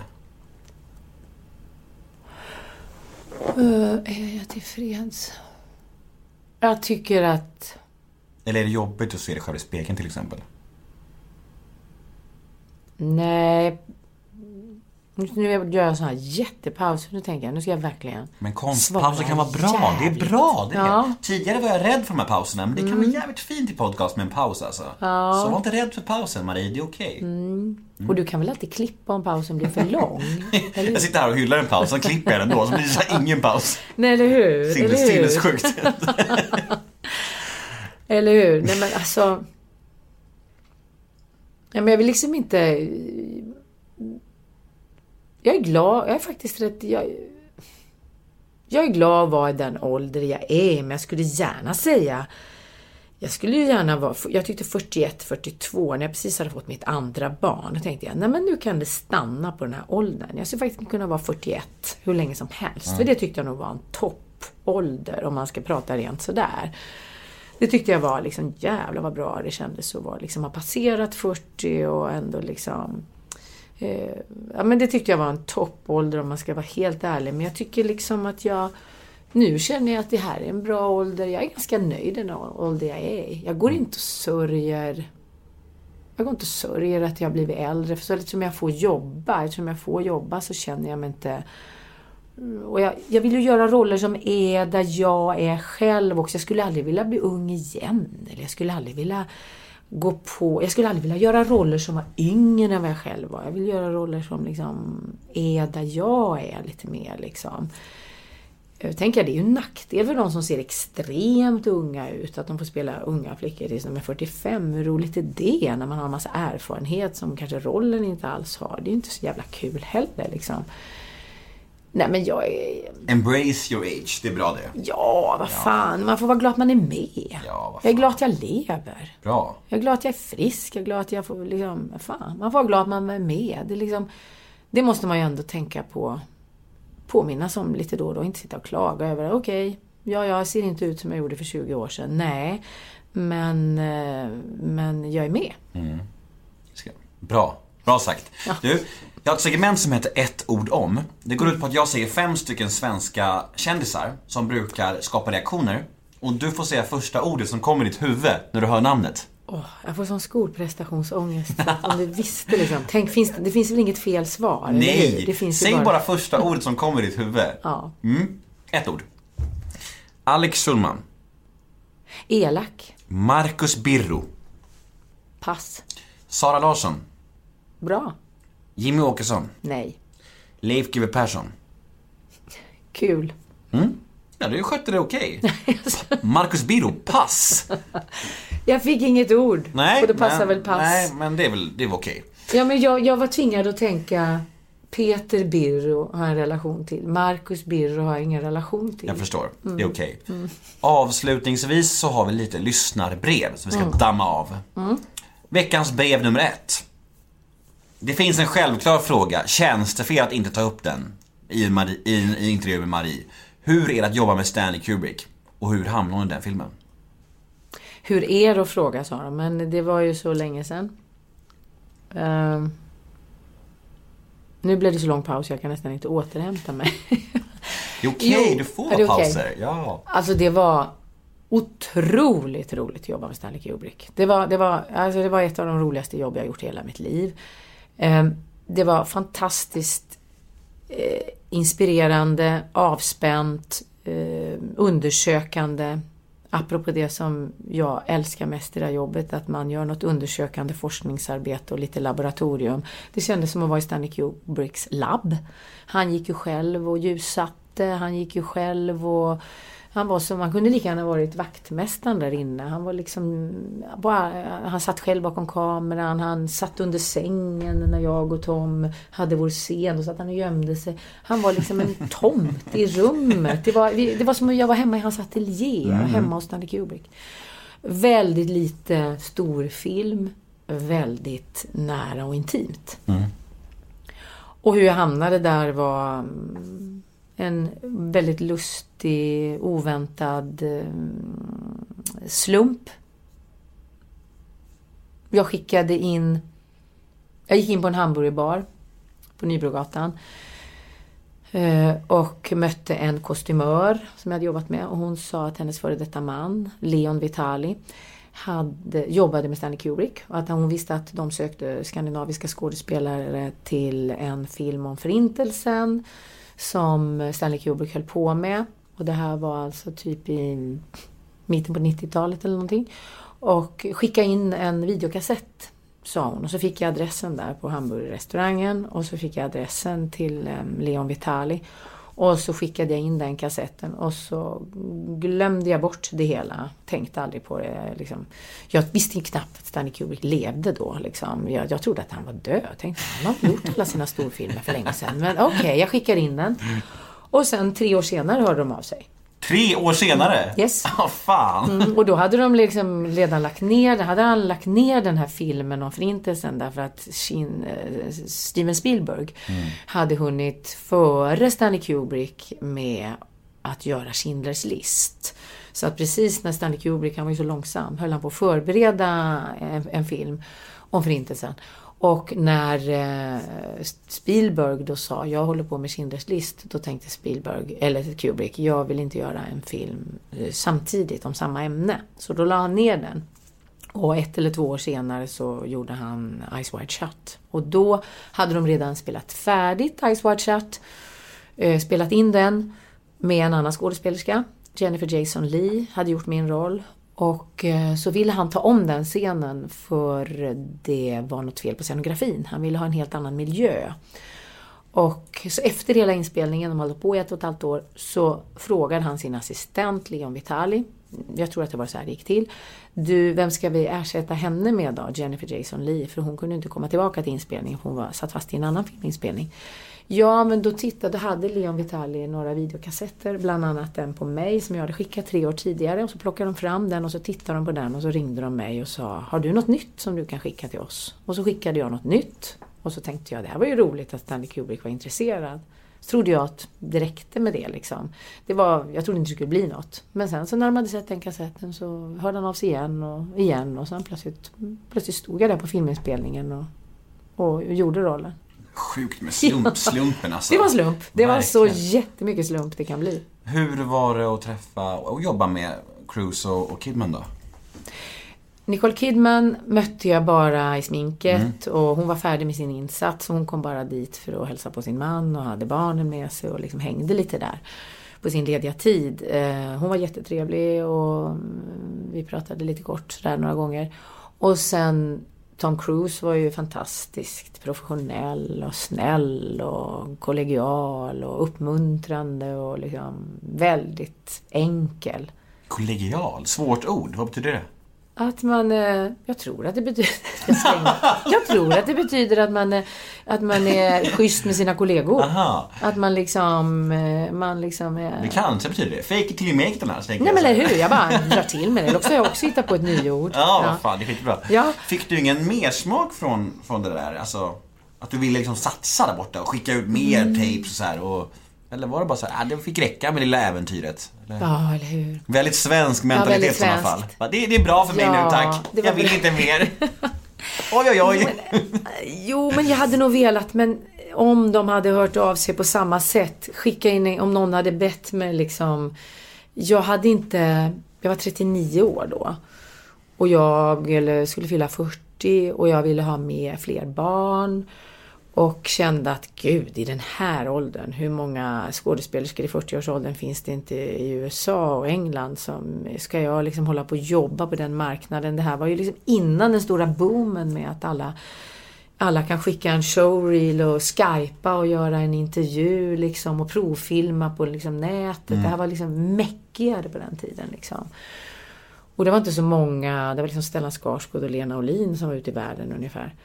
Och jag hade inte riktigt, jag hade aldrig gått och drömt om den stora filmrollen eller USA. Det här kom till mig bara liksom på slump.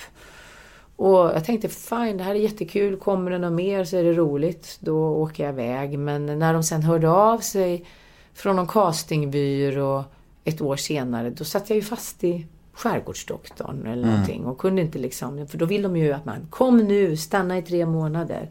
Så det var liksom inte på den nivån. De bara, de bara, vi har en ny roll med Tom Cruise. Du bara, nej, nej, Samuel Fröler. Nej. Ja, det var lite så. Jag minns att jag försökte översätta så här. Samuel ja, Frailer. Archipelago Doctor. Och jag kände liksom när jag satt och pratade med dem i telefon, det här låter jättekonstigt. Oh, you seems to be very busy, sa den här castingmänniskan. Marie, you seems to be very busy. Oh yeah, I'm Yes, I'm working at the sitting here with theater. Samuel, you know, Frailer. Okej, nästa brev. Goltuppen med Torsten Flink. Hur var den inspelningen? Den var väldigt eh, rolig som jag minns den. Det var kul att jobba med Torsten. Det var ett jätteroligt samarbete. Eh, jag... Mm, roligt, är det ett bra ord? Roligt? Jo, men jag minns det som positivt i alla fall. Det kan jag säga. Jag tyckte det var spännande. Jag tyckte det var en bra story. Eh, det var... Mm, ja mm, Ja, men det, var, det var en bra inspelning. Det var absolut en bra inspelning. Torsten och jag hade jättebra kontakt. Vi hade liksom, det var kul. Det var... Minns mest att jag gick omkring i en stor rävpäls bara och liksom hade högklackade skor och skulle vara så tjusig. Det fanns en tid då jag inte tyckte att det var något roligt alls. Jag tyckte varje roll skulle vara så jävla tjusig att jag bara gick och längtade efter andra roller. Så om jag möjligen, men det låter ju som man klagar. Men, Men var då- det så att du kände att du castades bara för att du var snygg? Liksom? Jag, kunde, jag tyckte inte att jag var snygg privat och jag tror ingen annan tyckte det heller. Men jag, jag tror att folk tyckte att hon, när hon får smink på sig och när hon får en päls på sig och högklackade skor, då kan hon se speciell ut. Och själv tyckte jag att det var kul ett tag med pälsar och högklackade skor och jag tyckte att det var något kul. Men sen blev det liksom för mycket sånt ett tag. Ty, tror du ingen tycker du är snygg privat? Nej, du, men- Hur är det med självförtroendet egentligen? Nej men liksom, inte, det är ju inte så att någon vänder sig om på gatan och tänker wow liksom. Men, Vad vet du om det egentligen? Nej men jag, jag har väl ögon i nacken. det är klart du har, det är klart du har. Nej men det är glasögon, det är liksom mössa, det är liksom kängor, det är... Nu, nu pratar du mer om årstiden tror jag, än Ja, dig själv. Nej. Fråga min familj, mamma du har mössa året runt. Ja, Ja, okej, men jag ja, ja. fryser om huvudet. Jag förstår. Förstår. Hej Marie, hur skulle du beskriva Ingmar Bergman med några ord? Ni har jobbat ihop, eller hur? Ja. Är, han- gånger, är jag. han ett eh, praktarsel? Vad? Vad? Det får man väl säga. Det är, är lite tabu att säga det. Kan men man få säga man, det? Nej men man säger, är om någon som är död Ja, så jag reagerar jag men- språkligt. Men ja, så kan man ju mm. säga. Ja, för mig så är, eh, lever han ju inte på det sättet. Nej. Jag menar inte att rätta dig men jag Nej, det är okej. en språkpolis ibland när det Jag är tempus. Jag förstår. Fy fan för dig, fy fan. Ja. Ja, men det är svårt att sätta några ord på Ingmar Bergman. Det är en, um, det är en um, utmaning. Det är svårt därför att um, det var, jag skulle inte vilja vara utan att ha jobbat med honom. Men det var också inte utan att det kostade någonting för mig. Det var både alldeles fantastiskt att jobba med honom och det var alldeles för jävligt att jobba med honom. Det kunde vara båda delarna. Det var det kunde vara mm, de mest fantastiska repetitioner men han var ju en... Han var ett as. Du får säga det, det är okej. Jag tycker, ja, jag förstår, vad du, jag förstår det ordet men jag, jag, jag värjer mig mot det ordet för det... Ja, jag förstår. Ja, jag vill ju ändå liksom nyansera liksom min egen bild. Mm, det är bra. Han var elak. Han kunde vara så himla elak och han var så dominant. Det var en så dominant människa. Så att när Mm. en dominant människa är på gott humör och det är fint, då, är det, då kan det vara helt fantastiskt att vara i, i det rummet där denna människa dominerar med sin inspiration. Då är man med om ett magiskt äventyr. Då Mm. leker vi tillsammans. Jag har varit med om underbara ögonblick. Mm. Men det har också varit ögonblick som man verkligen skulle vilja vara utan. Och han kränkte någon och kränkte människor i sin omgivning. Och det, därför går det inte att svara med några få ord. Det Mm. var både och. Det var himmel och helvete. Jag förstår. Bästa Marie, jag tycker du är fantastisk. Ja, fint. Ja. Eh, jag skulle vilja veta lite mer om Känn ingen sorg-inspelningen. Det är min favoritfilm. Fick du träffa Håkan? Jag fick träffa Håkan. Ja, han kom till inspelningen och vi blev alla ganska stirriga av att Håkan var där. Och jag blev helt stirrig för det var den dagen. Jag var liksom bara med en dag och sjöng en sång och skulle sjunga Kom igen Lena och blev jättestirrig av att Håkan var i huset när jag sjöng hans Kom igen Lena. Eh, Men han var ju alldeles bedårande, charmig och öppen och ödmjuk och jättefin. Och bara han plussade alla oss som var med. Så vi tog några gruppbilder tillsammans då, och, sådär. Vi var i ett fantastiskt hus som var dekorerat till ett palats mitt på Avenyn i Göteborg. Som var liksom dekorerat till bröllop och vi hade alla vita kläder på oss och så kom Håkan in och det var väldigt festligt. Det var väldigt festligt. Och eh, jag älskade filmen också. Jag med. Ah, Jättefin. så jävla fin. Det, är, det, det, där, Underbar. det där är alltid intressant när det ska göras så här biopics. För det kan verkligen bli skit eller succé. Ja. Hugget som stucket lite grann Ja. nästan. Eh, jag tänker på Monica Z, det blev Mm. så himla bra. Jag tycker verkligen om den. Sen kom Cornelis-filmen, den var bara så här. Du Mm. Nej. vet. Det man blir så mycket vad- lojaliteten när någon människa har levt och man ska förhålla sig till den Mm. filmen. Liksom, till det ödet eller den personen. Liksom. Men Känn ingen sorg var ju så himla, det liksom var ju så bra hopsatt Mm, av alla Håkans låtar till en bra story som Verkligen. betydde något. Hej Marie, jag har en fråga om ondskan. Är Johan Rabaeus lika läskig i verkligheten som i den filmen? Var det en kul inspelning? Han är absolut inte läskig. Absolut inte läskig. Det är en mycket, mycket fin kollega och liksom jätte... Vi hade roligt är fel ord att säga, för det var ju väldigt jobbiga scener vi skulle göra. De var så hemska. Det var, det var hemskt. Det var... Mm, det var ganska plågsamt att att göra scener som handlar om att ett mm, barn far så illa eller en ung människa.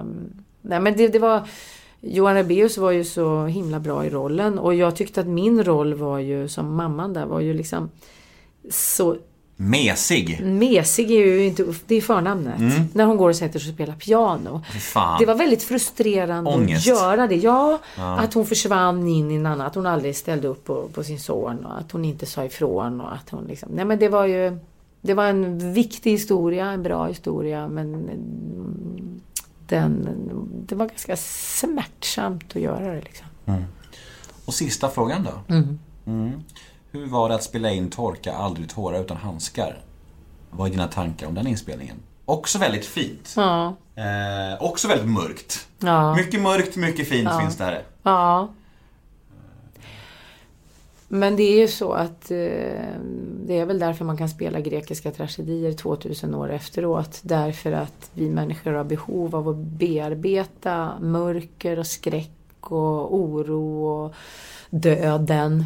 Och Torka aldrig tårar lyckades ju faktiskt få, få upp den tragedin som, eh, som det var under 80-talet med aids. Och Jonas Gardell skrev ett fantastiskt manus. Det var helt otroligt bra manus. Och när man får ett bra manus i händerna så bär ju det en i, liksom, man, alla får energi av det. Alla, liksom, hela inspelningen vet att det här är viktigt, det här är viktigt, det här är, mer, det här är, det här är livsavgörande på något sätt, att vi gör den här historien rättvisa. Och det, det, det gav oss alla sån energi och vi hade en sån bra regissör. Vi hade Simon Kaiser som regisserade alla tre avsnitten. Ja men det var ju en fantastiskt viktig inspelning och vi hade, det var, det, men det var, man är med en bra historia. Man får energi av det och det, det, var, det, var, det var jättebra. Sen var det jobbigt, eh, jag skulle spela en väldigt eh, religiös mamma, Jehovas vittne, som förskjuter sin son för att han är homosexuell. Och det var väldigt, det var, man vill ju gå in i sin roll, förstå motivationen, kunna liksom försvara sin roll. Samtidigt så kan man inte bara spela människor som är goda, utan man måste bara förstå hennes logik. Och det, var, det var ganska jobbigt att vara eh, så um, brutal i sin tro. Att hon eh, förskjuter sin son. Det var hemskt jobbigt. Jag förstår det.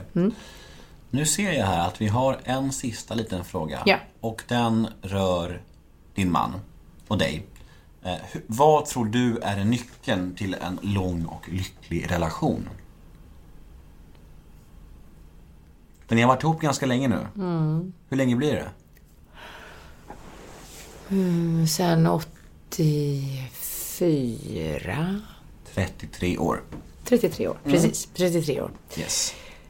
Eh, det första som poppar upp, för det finns ju så många saker som poppar upp när man ska liksom tänka så här, så är det ju liksom samtal. Jag tänker samtal, jag tänker nyfikenhet, att vi samtalar väldigt bra Jakob och jag. Och är nyfikna på vad den andra tycker. Och eh, ett pågående samtal som, som känns som om vi har liksom burit det med oss. En förmåga att mötas i samtal och hela tiden prata oss ur konflikter. Jag menar, det har inte varit konfliktfritt, det har verkligen inte varit krisfritt. Det har varit mycket. Men vi, vi, vi, vi kan alltid prata oss ihop till gemenskap igen. Mm. Det tror jag. Sen får man väl ha tur också. Liksom att eh, livet, jag menar man går ju bredvid varandra i, i tre decennier så måste ju liksom yrkena och liksom hur man förändras i livet. Liksom det kan ju, vi har haft tur att vi har jobbat med saker som har stimulerat oss och som inte har gjort att liksom den ena växer iväg helt åt det hållet och den andra åt det. Utan vi har liksom följt varandra liksom på ett jämlikt sätt. Men det har aldrig funnits någon sån här avundsjuka eller så här rivalitet eller så här. Nej, det har jag aldrig. Det kan, I så fall har vi varit helt öppna med det. Det är bara dig de ringer nu för tiden. Och gud, ingen som har ringt efter mig. Och liksom, då kan man ju skoja om det. Liksom. Så här, Fan, nu är det, det är bara du. Men det är tur att det går bra för dig och att eh, vi är gifta nu. För nu går det ju jättebra för dig. Och gud vad roliga filmer du får vara med och jag har ingenting att göra. Men det har aldrig varit på, liksom, på djupet. Liksom. Så, så vill vi varandra väl och liksom... Nej, jag, jag känner inte. Svartsjuka och avundsjuka har inte varit någonting som har förstört liksom, för oss. Vad skönt. Du, vi är klara. Är vi klara? Ja. Hur känns det här då? Det känns bra. Rösten Det höll. känns, rösten höll. Ja. Och det känns bättre än i början. Det, liksom det, ja, det känns bra. Det brukar vara så. Eh, det brukar ta en stund, sen så brukar man bli som två kompisar som sitter och snackar. Mm. Men ofta i början så är det lite så här, ja man kommer till en ny lokal, ny människa. Så det, Ja. det är inte supernaturligt i början. Så är det ju. Nej, man vet liksom inte vad förväntas av mig. Och kommer Nej. jag att gå igång? Kommer vi att komma någonstans? Man vill ju inte heller bara upprepa sig. Nej. Man vill ju inte upprepa liksom, gamla saker man har sagt. Man vill ju att det ska hända något nytt. Även i en intervju. Liksom. Precis, så är det. Mm. Ja, eh, hur ser närmsta tiden ut nu då framöver? Har du något du vill puffa för eller? Vad sa du? Har du något du vill marknadsföra eller puffa för? När du ändå når ut till mycket folk tänker jag. Har du, kan man se det någonstans framöver? Mm. Ja, du har eller? liksom inte stängt av maskinen utan du tänker så här. Vi fortsätter tills det liksom kommer något. Nej jag menar Ja. om du kan starta någon teater eller något framöver? Något som du vill Ja. PR-mässigt tänker jag. När tänker du sända det här då, typ? Jag tänker om, eh, ja kanske slutet på mars. Mm, då spelar vi i alla fall fortfarande Häxorna. Den som gör att jag är hes. Mm. Den som jag skriker sönder mig.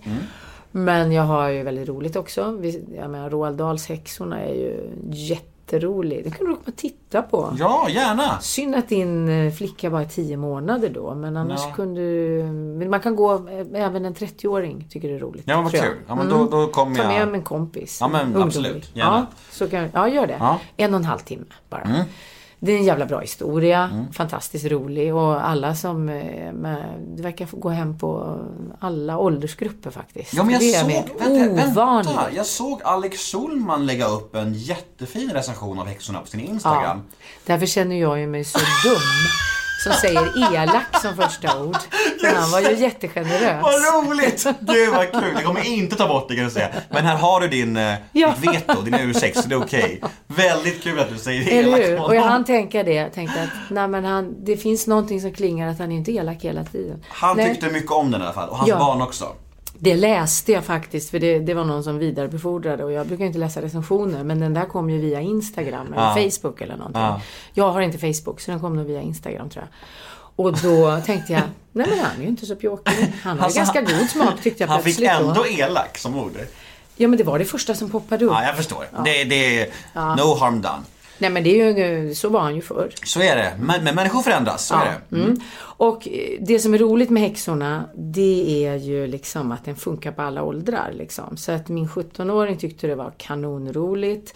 Mor och farföräldrar säger att de tycker det är jätteroligt för det är så mycket musikreferenser som de äldre hänger med på. Och det, Mm. det, den funkar på små. Fantastiskt. Ja. Då kommer jag och kollar. Gör det! Eh, Och ingen... om det blir en fortsättning på Innan vi dör så hoppas jag att publiken eh, Är tro- ansluter. är trogna. Är trogna. Är trogna. Ja. Men du har ingen Instagram eller sånt där, inga sociala medier? Jag har inga sociala. Jag har en privat Instagram och jag har inte Facebook och sånt. Privat Instagram? Undrar om jag får följa ser Ja, men det finns ju inget, eh, jag lägger ju inte ut några bilder i princip. Jag Den är helt tom. Ja, 40 inlägg eller någonting på fem år. Jag vågar inte fråga där för jag kommer inte pinsamt om du, inte- om du släpper in mig. Då kommer jag skämmas. Ja, precis. Du, eh, tack så jättemycket för att du var med. Tack för att jag fick vara med. Hej då! Hej då!